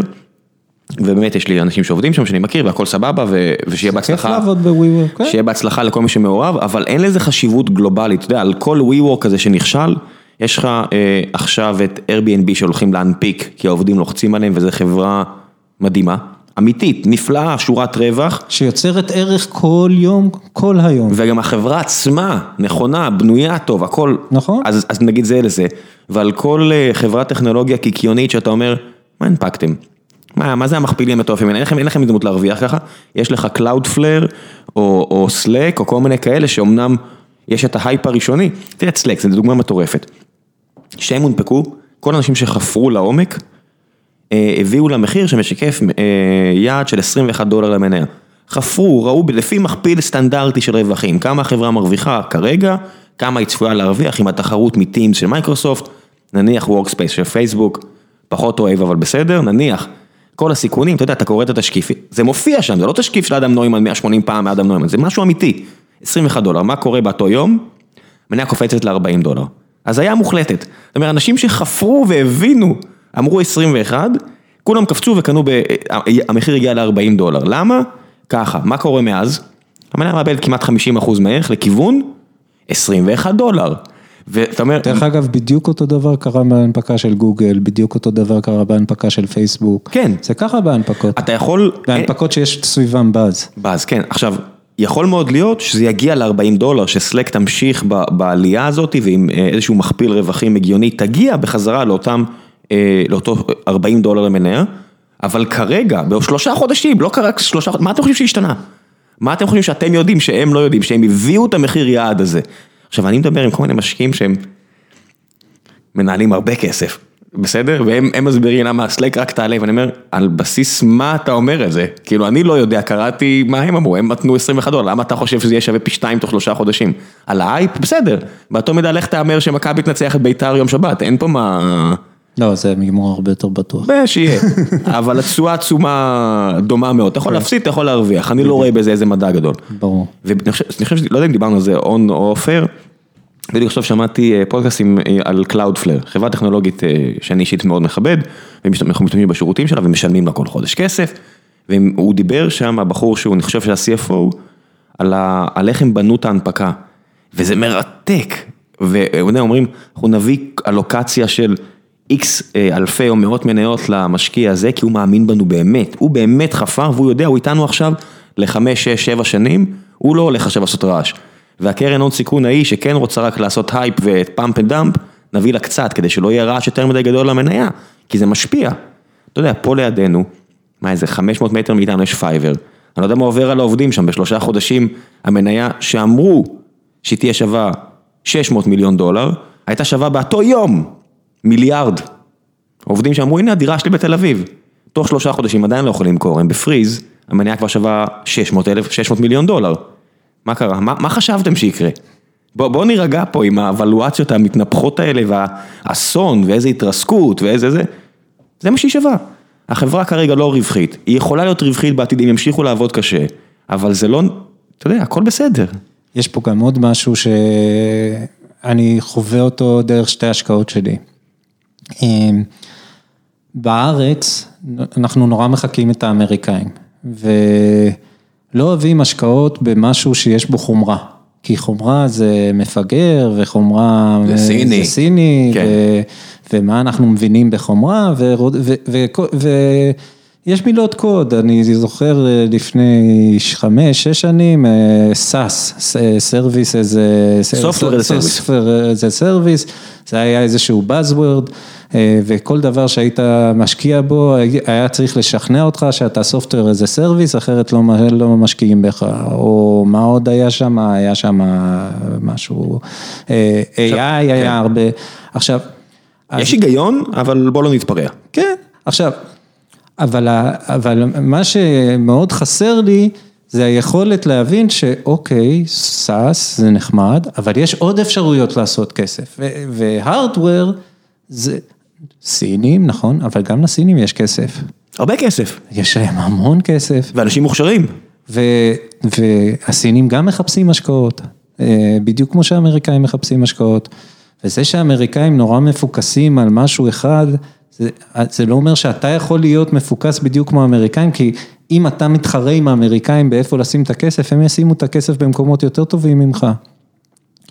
אז למה לא לגוון? ויותר כסף. ויותר כסף. אז למה לא לגוון? למה, למה לי, להגיד, אוקיי, אז אני אשקיע בחברות שה, שהקרנות האמריקאיות הגדולות לא השקיעו בהן. כי זה מה שאתה אומר כשאתה אומר שאני משקיע בבאזוורדס הזה. שהקרנות האמריקאיות הם הטורפים הגדולים, הם באים לחברות הכי מעניינות, ואתה מקבל את החברות הבאות בתור. גם אם הן ישראליות כמובן, כי היום הרי קרנות אמריקאיות משקיעות, וזה עם הסיפורים של אוי ואבוי בעלות זרה וכל מיני דברים כאלה, who gives a fuck מי הבעלים שלך. והעניין זה למצוא את הגיוון, למצוא, לא, לאו דווקא לחפש איפה שהפנס נמצא, אלא לחפש לפי היגיון פנימי שלך. ו... עושה רושם גם שההשקעות שלי בשתי חברות שהן למעשה, הן נהיו חומרה. הם נהיו חומרה, הם התחילו כתוכנה ואז הם הבינו כדי להתקיים, אחת מייצרת מצלמות היום, שמבינות את מה שהן מצלמות, שפעם זה, שזה התחיל בתור תוכנה שמבינה את מה שהמצלמה מצלמת, והיום הם מבינים שכדי להתקיים בעולם הם צריכים לייצר את המצלמה, וכמובן אף קרן הון סיכון ישראלית לא השקיעה בזה, כי who gives a fuck about hardware, זה לא, זה לא משהו שיהיה שווה מיליארדי דולרים, אבל זה משהו שיכול מאוד להיות שיימכר ב-100, 200, 300 מיליון דולר, כי זה בתחום שהסינים מאוד מאוד חמים עליו.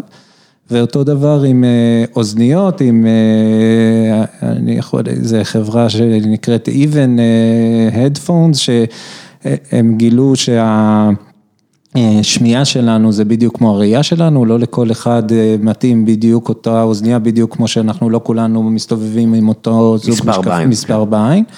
והם יודעים להזרים לך את המוזיקה דרך האוזניות, או דר... יודעים להזרים לך את המוזיקה כך שתתאים לשמיעה האישית שלך, וגם הם כדי להתקיים לא יכלו להיות, אה, היום אפליקציות זה משהו שהיה מאוד מאוד חם לפני שש שנים, שמה, מה זאת אומרת, אפליקציה, היום יש מיליארדי אפליקציות והדרך שלך למשוך תשומת לב לאפליקציה שלך היא כמעט חסומה ובלתי אפשרית. אנשים לא מתקינים אפליקציות חדשות. נקודה. יותר מדי יקר עולה לקנות user באפליקציה, אז אלא אם כן את החברה ענקית, don't go there. בדיוק, ו... והם היו צריכים לייצר את האוזניות. עכשיו, ברגע שהם צריכים לייצר את האוזניות, זה לא מעניין אה, אנשים, אבל לא, כי Best Buy, אה, יקנו אוזניות וימכרו אוזניות. ולייצר את האוזניות, אתה יכול, סין זה לא מקום רק נורא כל כך של אנשים מפחדים ממנו, אתה, יש שם מקומות ייצור מצוינים, עם, שיודעים לייצר את זה כמו שצריך ובמחירים שאתה יכול להרוויח עדיין כסף. אז אנשים כשהם משקיעים, הם צריכים קצת להתעלם משני דברים, אחד מהחל, מלהתעסק אך ורק בהום רן, להתעסק אך ורק ב... כמה גדול זה יכול להיות, אם זה לא יהיה סופר מפוצץ זה לא מעניין, אתה לא יודע מה יהיה סופר מפוצץ, זה שהבאז נמצא שם, נכון, אומר שאחד מכל הבאז האלה יהיה ההום רן, אבל יש הרבה הום ראנס שהם לא למרחק של מחוץ לאצטדיון, אלא סתם מחוץ למגרש, שמסתובבים שם והם לא בתחום של הבאז. ושם הרבה יותר, יש לך הרבה פחות תחרות, אז אולי שם הרבה יותר קל אה, למצוא אה, דברים מעניינים. אה, אני כבר לא זוכר מה הדבר השני, אבל לא משנה. זה good enough, בכל הבחינה הזאת באמת לא לסחוט עם הזרם, זה הכל גם השאלה מי אתה. כן. זאת אומרת, אם אתה שותף בקרן הון סיכון ויש לך מיליארדי דולרים to deploy, אתה לא יכול לשחק את המשחק הזה של לחפש תשואות נמוכות, אבל זה המשחק שאתה משחק וצריך לכבד את זה, ומי שמקבל ממך כסף, צריך לכבד את זה. כי אתה משחק משחק אחר לגמרי. אה, וזה מעניין גם להבין את זה. בוא נעשה קצת שאלות מהקהל. אה, פורום אחים עצמם של גיקונומי, תמיד יום לפני אני מפרסם מי מגיע, אה, מחכות לך שאלות, אז בוא נראה. שמואל ארצמן שואל, הוא העלה את אותו שאלה בפרק עם נתן מהנינג'ה הפיננסית, ולא ענו לו, אז הוא שואל אותה שוב. האם אתה בעד החוק שמחייב להפריש לפנסיה? האם אין בכך פגיעה בזכות הקניין? מדוע להכריח אדם בשנים בהן נולדים ילדים והוצאות גדולות, להוציא עוד מהמשכורת שלו? בעיניי זו שאלה מצוינת ואני לא מקבל את זה כגיוון, שהפרשה לפנסיה זה משהו, הרבה אנשים רואים את זה כמשהו שהוא פטרנליסטי, כמו שיש חוק שאסור לך לשתות ולנהוג, זה גם פגיעה בזכות שלך אה, לעשות מה שאתה רוצה, אבל מה לעשות שאתה נכנס לרכב, אתה יכול לפגוע במישהו אחר. יש את זה גם בפנסיה, כי בסופו של דבר, אם לא תחסוך לפנסיה, מישהו יצטרך לממן אותך אה, כשתהיה מבוגר, שזה הממשלה, המישהו, שזה אנחנו. ולכן, זאת שאלה נורא נורא מורכבת של איך נכון להכריח אנשים וכמה נכון להכריח אותם לחסוך לפנסיה. כשאני מסתכל על המשקל של הפגיעה בזכות הקניין, לעומת הפגיעה בי כאזרח, שאני אצטרך לממן מישהו אחר כי לא יתחשק לו לחסוך וכשהוא יצא לפנסיה אנחנו לא נותנים לזקנים למות ברחובות עם כל המחשבה שזה בסדר, ש... מי שעשה עשה. מי שעשה עשה, זה לא קיים באמת בעולם, אז המשקל אומר שצריך לחסוך לפנסיה, אני עדיין לא סגור על זה שהדרך הזאת נכונה, להכריח אותי לשים בקרן פנסיה, כמה לשים בקרן פנסיה, אין פה משהו נכון ולא נכון, זה כל הזמן ניסוי וטעייה וזה כל הזמן ישתנה גם. אני גם אוסיף לך שאף אחד לא באמת מכריח אותך להשאיר את הכסף שם, זאת אומרת, כל מה שיש פה זה עניין של opt-in, opt-out, הם רק עשו לך opt-in לאפשרות הזו by default, אתה יכול מיד אחרי שהכסף נכנס, כל שנה, כל מה שאתה לא רוצה, תמשוך את הכסף, תשלם את המס כמו שהיית משלם אם זה היה חלק מהשכר שלך. נכון. הדבר היחידי שיש פה, זה בעצם להכריח את המעסיקים להפריש תוספת לשכר, אבל זה כבר עניין סוציאלי, באותו מידה, אם לא היה את זה, היית אומר שהמעסיקים שאתם מביאים לך את זה לשכר, רגיל, אבל שוב. הם לא היו מביאים. כנראה שהם לא היו מביאים, אז יש פה איזושהי פגיעה במעסיק, לאדם הפרטי, הכסף שם, הוא לא איזה קופסה שחורה. כן. לכו, קחו, אתם חושבים שאתם יכולים לעשות עבודה יותר טובה עם הכסף. אתה חושב ששמעתם עכשיו את הפודקאסט והתלהבתם עם בודפסט? קחו את הכסף, אני לא ממליץ, אסור לי להמליץ חוקית, לא, לא, אסור לי להמליץ. לא, גם אל תעשו את זה. לא, לא, אסור לי חוקית להמליץ. אני מאמין שהשקעות אפשר לעשות עם מעל רף מסוים של כסף שמותר לך לאבד בלי שתגמור את החיים של עצמך מהבחינה הזו, אה, אבל אתם יכולים. זה לא סיפור גדול אפילו, זאת אומרת, אתה יכול ללכת, אני מאוד לא ממליץ לגעת בכספי הפיצויים, כי כנראה שאתם אם אתם לא יודעים שאתם יכולים, כנראה שאתם לא תהיו מחויבים מספיק להשקעה גם ככה. בוא נגיד את זה ככה. בדיוק. זהו. אה, אבל אתם יכולים. אושר בוים, אה, למה אתה תומך באיביץ' שתחתיו הקבוצה שיחקה את הכדורגל הגרוע ביותר שלה בשבע השנים האחרונות? כן, אני נורא סבלתי שנה שעברה מהכדורגל של מכבי, ואושר יודע את זה. אה, הכל בסדר. אה, מבחינתי, אני לא מאלה ש... אני לא אוהד אה, טיפוסי של, לא זוכר, בית"ר ירושלים, שאז זרקו את אלי גוטמן כי הוא לא שיחק כדורגל יפה. למה רק 1-0? למה רק 1-0? אני... תן לי קבוצה דומיננטית את כל משחק 1-0 ואני מאושר, אז ממש לא מעניין אותי. לעניות דעתי ההפרש שערים שנה שעברה היה יותר בממוצע מ-1-0. כן. נכון? אה, הרבה יותר. זה היה 2.5, 0.3 נדמה לי, זה, זה מה כן. שיצא, או 2, 2, 0.3, משהו כן, כזה. כן, רק לשם השוואה, האליפות הדומיננטית של באר שבע, השנייה הייתה עם הפרש שערים קטן באיזה עשרה או תשעה שערים, ופחות 4 נקודות, היה 85 לעומת 89 נראה כן. לי, ו... פלוס 60 לעומת פלוס 50, כן? כן. אז האליפות המשעממת של מכבי הייתה עוד יותר מוצלחת מהאליפות הנהדרת של באר שבע עם אה, וואקמה וברדה בשיאם. בסדר, גם... אה, זה מה יש. זה, זה בסדר, לכל אחד יש את הדעה שלו. אני מאוד הייתי מבסוט מאיביץ' שנה שעברה, ואני מקווה שנהיה מאוד מבסוטים ממנו גם השנה בסוף.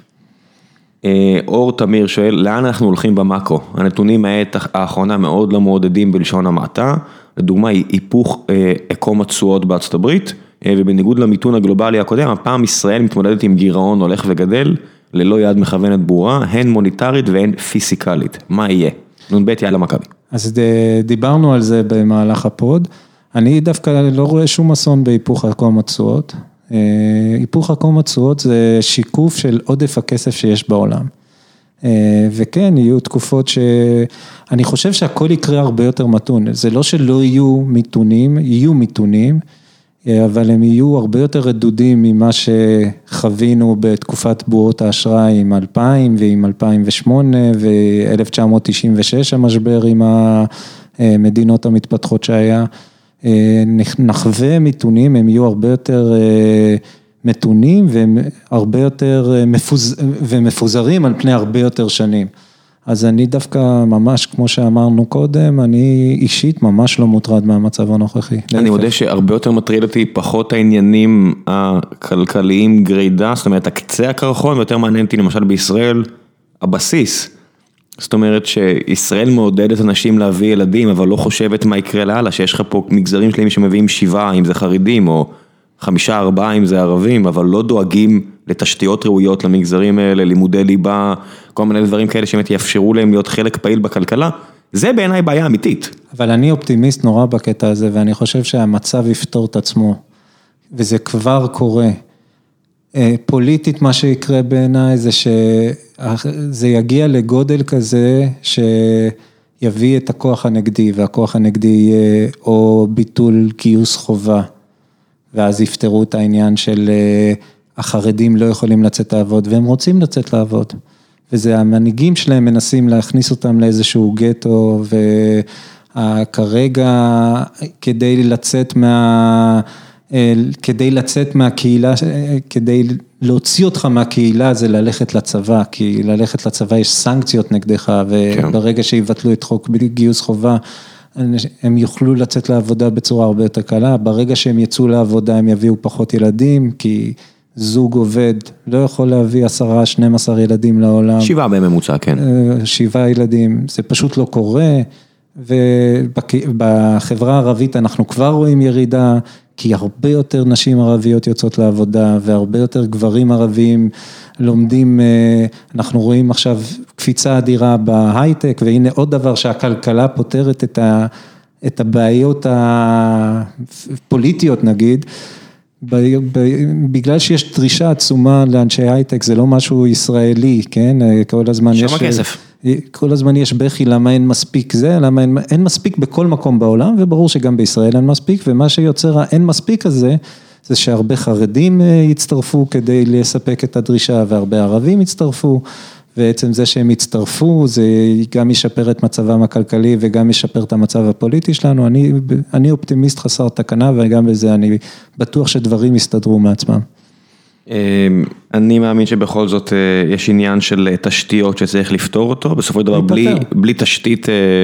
וזה ייפתר.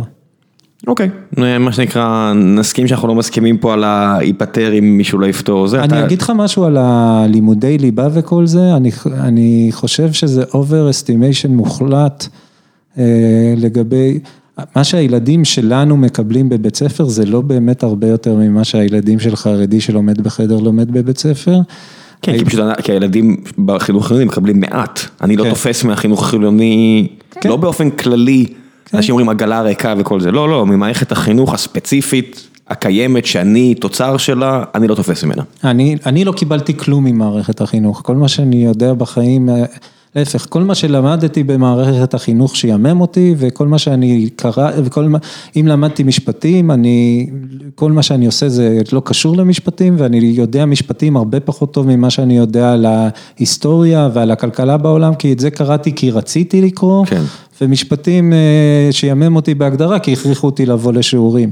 יכול להיות שמשפטים זה מעניין, אה, לא הכריחו אותי למען האמת, פשוט לא הגעתי, אבל לא, זהו, אתה מבין, אקדמיה שאני אומר שלא לא הפקתי מספיק, אז שם האשמה לגמרי עליי, כבר הייתי כן. בגיל שאני מאוד לאט לקחת. בדיוק. לפני כן, אם אני מרגיש שלא קיבלתי, אני מאשים את האחרים, כי אני אומר בסופו של דבר, כילד, אם לא קיבלת אז לא הביאו לך. כסטודנט אני מאשים את עצמי. מתישהו מערכת החינוך תלמד אנשים לחשוב, תלמד אנשים איך לומדים, וזה בעיניי הרבה יותר חשוב מהידע, ואני אגיד לכם, זה הרבה יותר זול.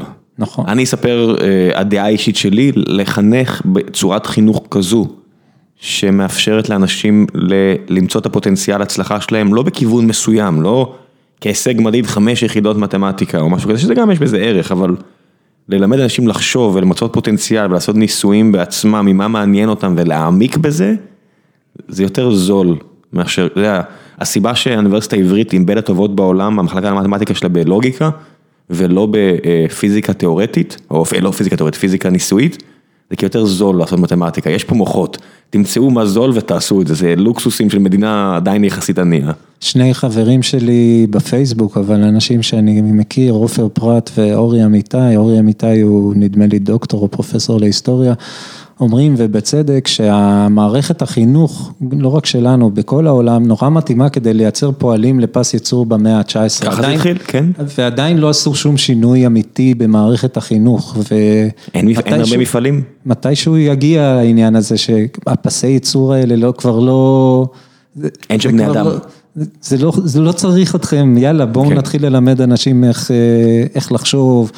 בעיניי, אם, אם אני הייתי שר החינוך, הייתי קובע שכל יום יש שיעור התעמלות. ושאנשים ילמדו ספורט, אני חושב שהדרך לחנך היא דרך ספורט, כי אנשים לומדים על עצמם כל זה כך ערכים, הרבה. אתה יכול למצוא ערכים בהרבה בדיוק. דברים, גם באומנות, זאת אומרת ערכים בדיוק. אסתטיים שחשוב בעיניי. גם בספורט שזה ערכים פיזיולוגיים ערכיים מבחינתי בהרבה צורות אחרות. זה לא רק פיזיולוגי, זה גם אתה לומד אה. על עצמך, את- אני למדתי על עצמי הכי הרבה דרך, אה, דרך האגרוף תאילנדי, מי זה אתה? דרך? היוגה. אתה זה גם המיט וגן, כמו שג'ו רוגן קורא לזה, שנושאת את התודעה שלך, בסופו של דבר, אם לא תדאג למיט וגן. התודעה לא נוח לה. בדיוק. תדאג להכל. ואם אה, הייתי שר החינוך, אז יאללה, זה, זה הרבה יותר חשוב מעוד שעה, אה, לא יודע מה, מורשת, תנ"ך, אה, הניסיון אה, לעצב אנשים. פאקינג, אה, ת- תתחילו להיות צנועים, אתם לא מעצבים אף אחד, בגלל זה אני גם לא מפחד מהדתה, להפך. כמה שיותר ינסו לדחוף לאנשים בכוח להיות משהו, הם ילכו תמיד לכיוון ההפוך. כן, אז ה- יאללה, שאתה- קיבינימט. אם דיברנו על וינה, אז באחד המוזיאונים שם יש על הקיר אה, את הווינאים הכי גדולים שאי פעם חיו, הרבה מהם יהודים שהיו במערכת עם הרבה יותר הדתה מאשר היום. בדיוק. האנטי שנוצר להם, שהם הלכו לבתי הקפה של וינה ו- וללוחות הגדולים וציירו דברים ועשו דברים, מהרצל לבוזמן, לאיינשטיין, לכל מיני כאלה שהם חלק, לפרויד, כל מיני כאלה שהם פשוט ביהודים הכי גדולים והבינאים הכי גדולים, זה ממערכות מאוד דתיות. אבל זה הכל, אתה צריך לפתח אבל תרבות מסביב. שתיתן גם משקל למחקר ולאינטל- ולבאמת, שלא יצא ממה שאני אומר פה, או שיבינו ממך, שזה רק מתמטיקה והכל, כי אם מה שדיברתי לפני כן, התפוצצות התוכן, יש, ההורים של אלוף השחמט של מגנוס, אני בטוח שהם לא מבואסים שהוא הלך לשחק שח בצורה רצינית, או ספורטאים, או אמנים, או סתם אנשים שיוצרים תוכן ויש להם מיליארד אנשים שצופים בהם. בדיוק. תמצאו מה אתם אוהבים, או מה הילדים שלכם אוהבים, ו- ותנו להם פשוט הכלים להצליח, זה הרבה יותר טוב מאשר החרא שלימדו אותי בתיכון, אני בטוח, בלי להעליב אם מישהו, מישהו עכשיו שומע, זה היה נורא. אה, אמיר אגוזי שואל, ממש בא לי ללמוד על העניין של השקעות בהייטק, גיוסי הון ועוד מונחים כאלה מאוד מסקרנים. אה, אין פה ממש שאלה, יש פה ממש בקשה, אז הסתכלתי בזמן שדיברת, יש, אה, שנייה. יש ספר בשם Venture Deals של ברד פלד, הוא משקיע באיזה קרן הון סיכון, אם אתם מעוניינים במינוחים הטכניים, מה זה קרי, מה זה פה, מה זה שם, זה בסך הכל 6-7 שעות האזנה באודיבול, עולה איזה 7 דולר, אם מעניין אתכם, תורידו, תשמעו, זה כמו כמה פרקים של הפודקאסט הזה, יותר טוב מכל מה שאני אגיד לכם, הם המקצוענים, אני מבטיח לכם שאם תקראו, תשמעו את הספר הזה כמה פעמים, אתם תדעו יותר מחלק מהמשקיעי הון סיכון בארץ. נראה לי. אה, נראה לי, לא יודע, נראה לי, רק במינוחים הטכניים. כן? לא בלזהות יזמים והכל, כי זה הם עושים כל היום. במונחים הטכניים גרידה. לגמרי. אה, אור תמיר שואל, אה, עוד שאלה שאולי תיתן קצת קונטרה לדיון עם רולניק. מה דעתך על ענקיות התוכנה האמריקאיות? האם אתה חושב על חדי, ומה אתה חושב על חדי הקרן הצולעים, Uber ו WeWork? האם יש לפרק את המונופולים של אופל, אה, של אפל, אופל, של אפל, גוגל, פייסבוק ואמזון, ואיך זה מסתדר עם ההשקה המחודשת של דה באזר? ההשקה המחודשת של דה באזר זה קצת מצחיק לדבר בדיון הזה, אנחנו, אני, אבל זה כן קשור, הוא צודק, כי אני, אני לא רולניק, אני ממש לא מפחד מהכוחות האיומים האלה שמשתלטים על העולם ומרכזים את הכוח, כי יש ביניהם תחרות. אה, היום פייסבוק היא לא שליטה בולד, בודדה, היא מתחרה באותו תחום בפן אחר עם אמזון, היא מתחרה באפל, היא מתחרה בגוגל, ונכון שהכוח שלהם עצום והן יכולות לקנות את הכל מסביב, אבל בסוף אנחנו רואים שהן לא קונות את הכל מסביב, וכן כל הזמן נוצרות חברות, וכמו ש... ו, ו, ומוקדם מדי לדבר על המונופול שלהן, כי מונופול שהוא בן עשר, פייסבוק היא לא הרבה יותר מעשר. כן, אבל לפני עשר שנים היחס שלה לא היה כזה, זאת אומרת המונופול הוא אולי בין שנה-שנתיים. כן, בדיוק. בוא נראה את הפגיעה בצרכנים לפני, כן. לפני שרצים לפרק. כן, אני, אני, אני בינתיים יכול לראות רק את זה שהתחרות ביניהן יוצרת רצון אדיר להשקיע בעוד ועוד תחומים, ורצון אדיר להתפתח, ויש תחרות עצומה, ועדיין זה, למען האמת, מי שהכי נפגע מהמונופולים האלה, ואני שם פה מרכאות בידיים, זה העיתונות. אבל העיתונות הייתה נפגעת בכל מקרה, אה, כי...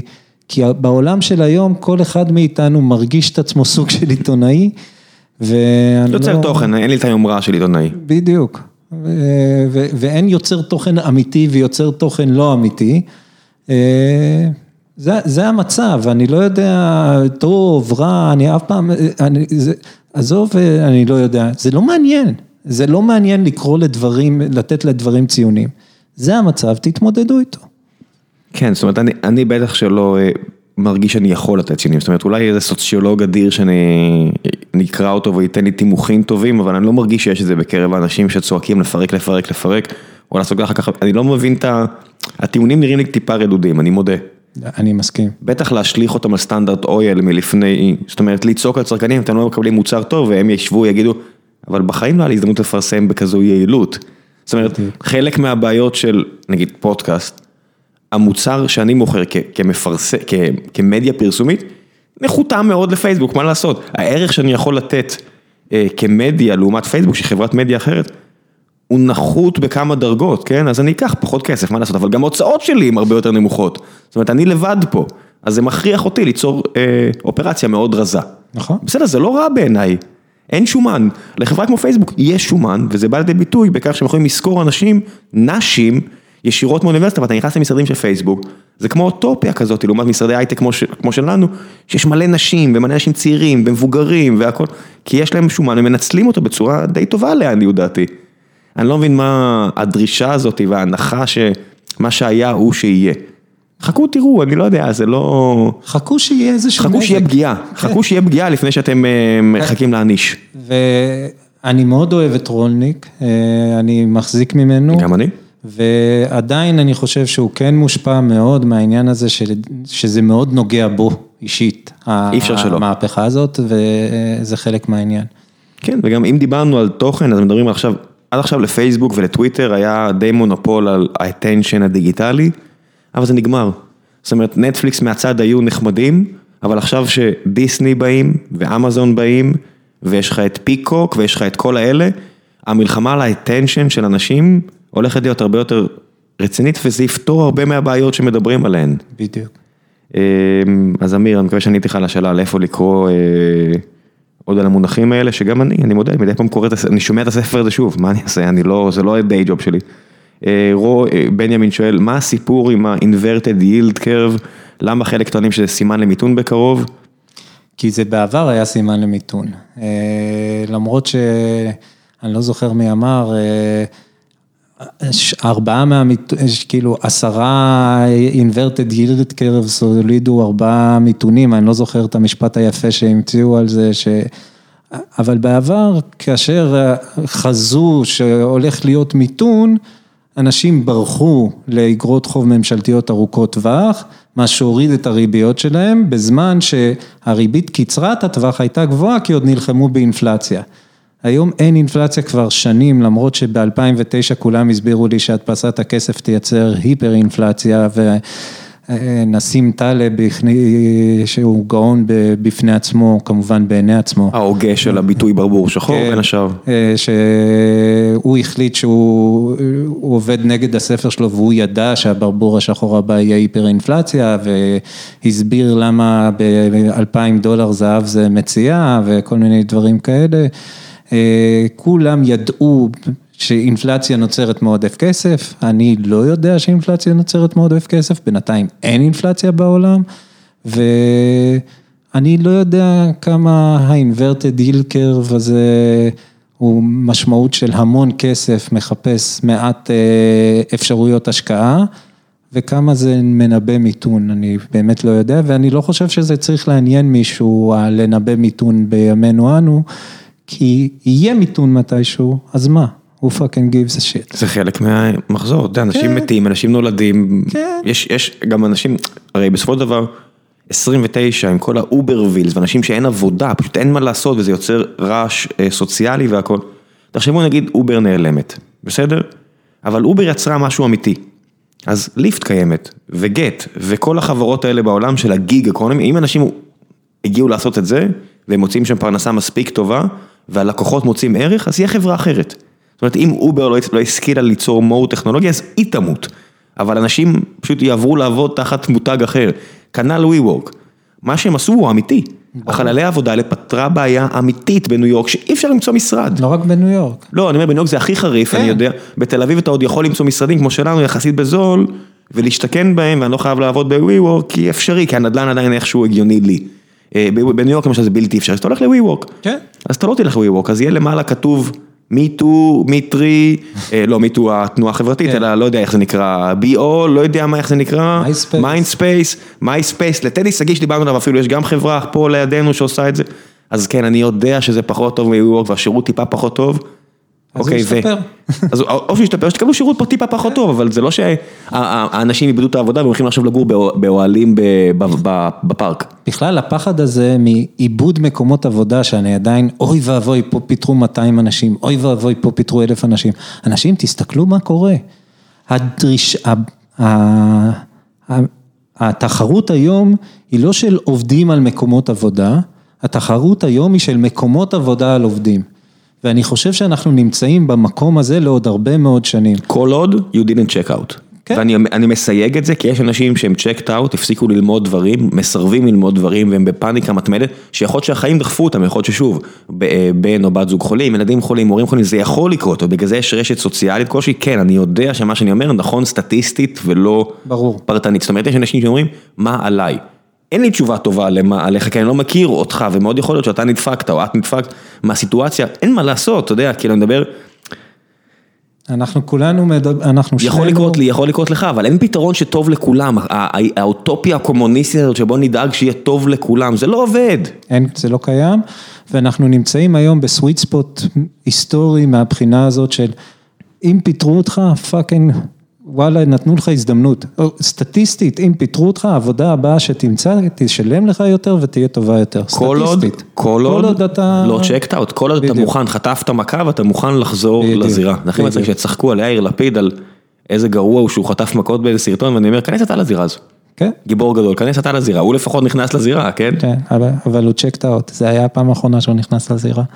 הוא, כן, אני מבין בדיוק מה אתה אומר, אפילו כתבתי על זה לא מעט, והוא אכן משחק safe, ואני לא חושב שהוא יקבל נקודות על זה. בדיוק. שמע, כל הפוליטיקה הישראלית זה אנשים שלא זורקים אגרופים. בדיוק. תסתכל, כל הדיבור פה, אז בוא ניתן לשני לעשות rope-a-dope, אתה יודע, כולם נשענים על החבלים, אבל זה לא עובד כשהצד השני, אם אתה רק עושה, אם כל הצדדים עושים פאנט, זה נגמר בתיקו, אפס, זה לא מעניין. או לחילופין, שחקן ממש בינוני וגרוע, מנצח את כל המשחקים, וכולם בטוחים שהוא אלוף העולם. בול. בוא נראה שאלה אחרונה לפני שנסיים את הפרק. דני בירן, האם אתה מזהה חברות שהן מצליחות למרות שהן משלמות פחות ממה שהן אמורות? אני לא, אני אסביר, זו שאלה שנועדה אליי כ... צבירן. כיושב ראש צבירן. אה, מה שקורה זה משהו נורא מצחיק, חברות, ש... איך חברות מצטרפות לצבירן כשהן משלמות מעט מדי? כי מה שקורה כשהן משלמות מעט מדי זה שאנשים עוזבים.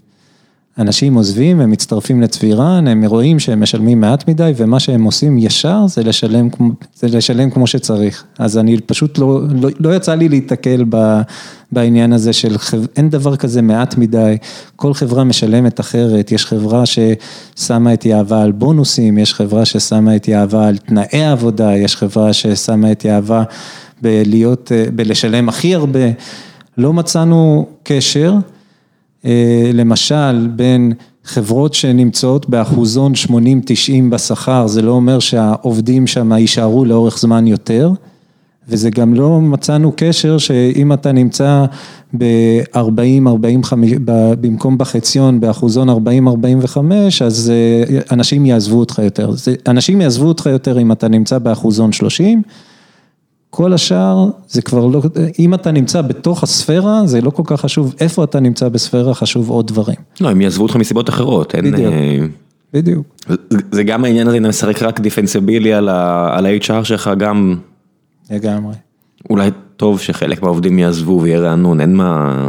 לא, אולי, יש כל הזמן עזיבה וזה לא סוף העולם, התפקיד של ה-HR זה לדאוג שמי שצריך להישאר, יישאר, זה לזהות ו... יש חברות שיודעות לעשות את זה, לא מספיק לדעתי. רון לנסקי אומר, אל תשאל אותו כלום, תן לו לשאול אותך לגבי הפריסה האחרונה בטרנר, האם היא גומורה שכבר נכנסה לפנתיאון, שנייה רק להנליש הל שלנו.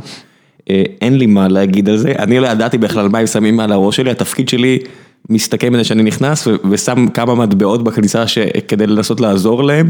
החבר'ה בטרנר עובדים, ביציע הזה עובדים קשה, ואני רק נהנה מזה שאני רואה את הסרטון לאחר מכן. זאת אומרת, זיהיתי את המנגינה, הבנתי מה קורה מהמנגינה רק בדיעבד אפילו, אכן מדהים בעיניי, כל הכבוד למי שעשה את זה, אין לי שום קשר לזה, חוץ מלהחזיק שלט, זהו.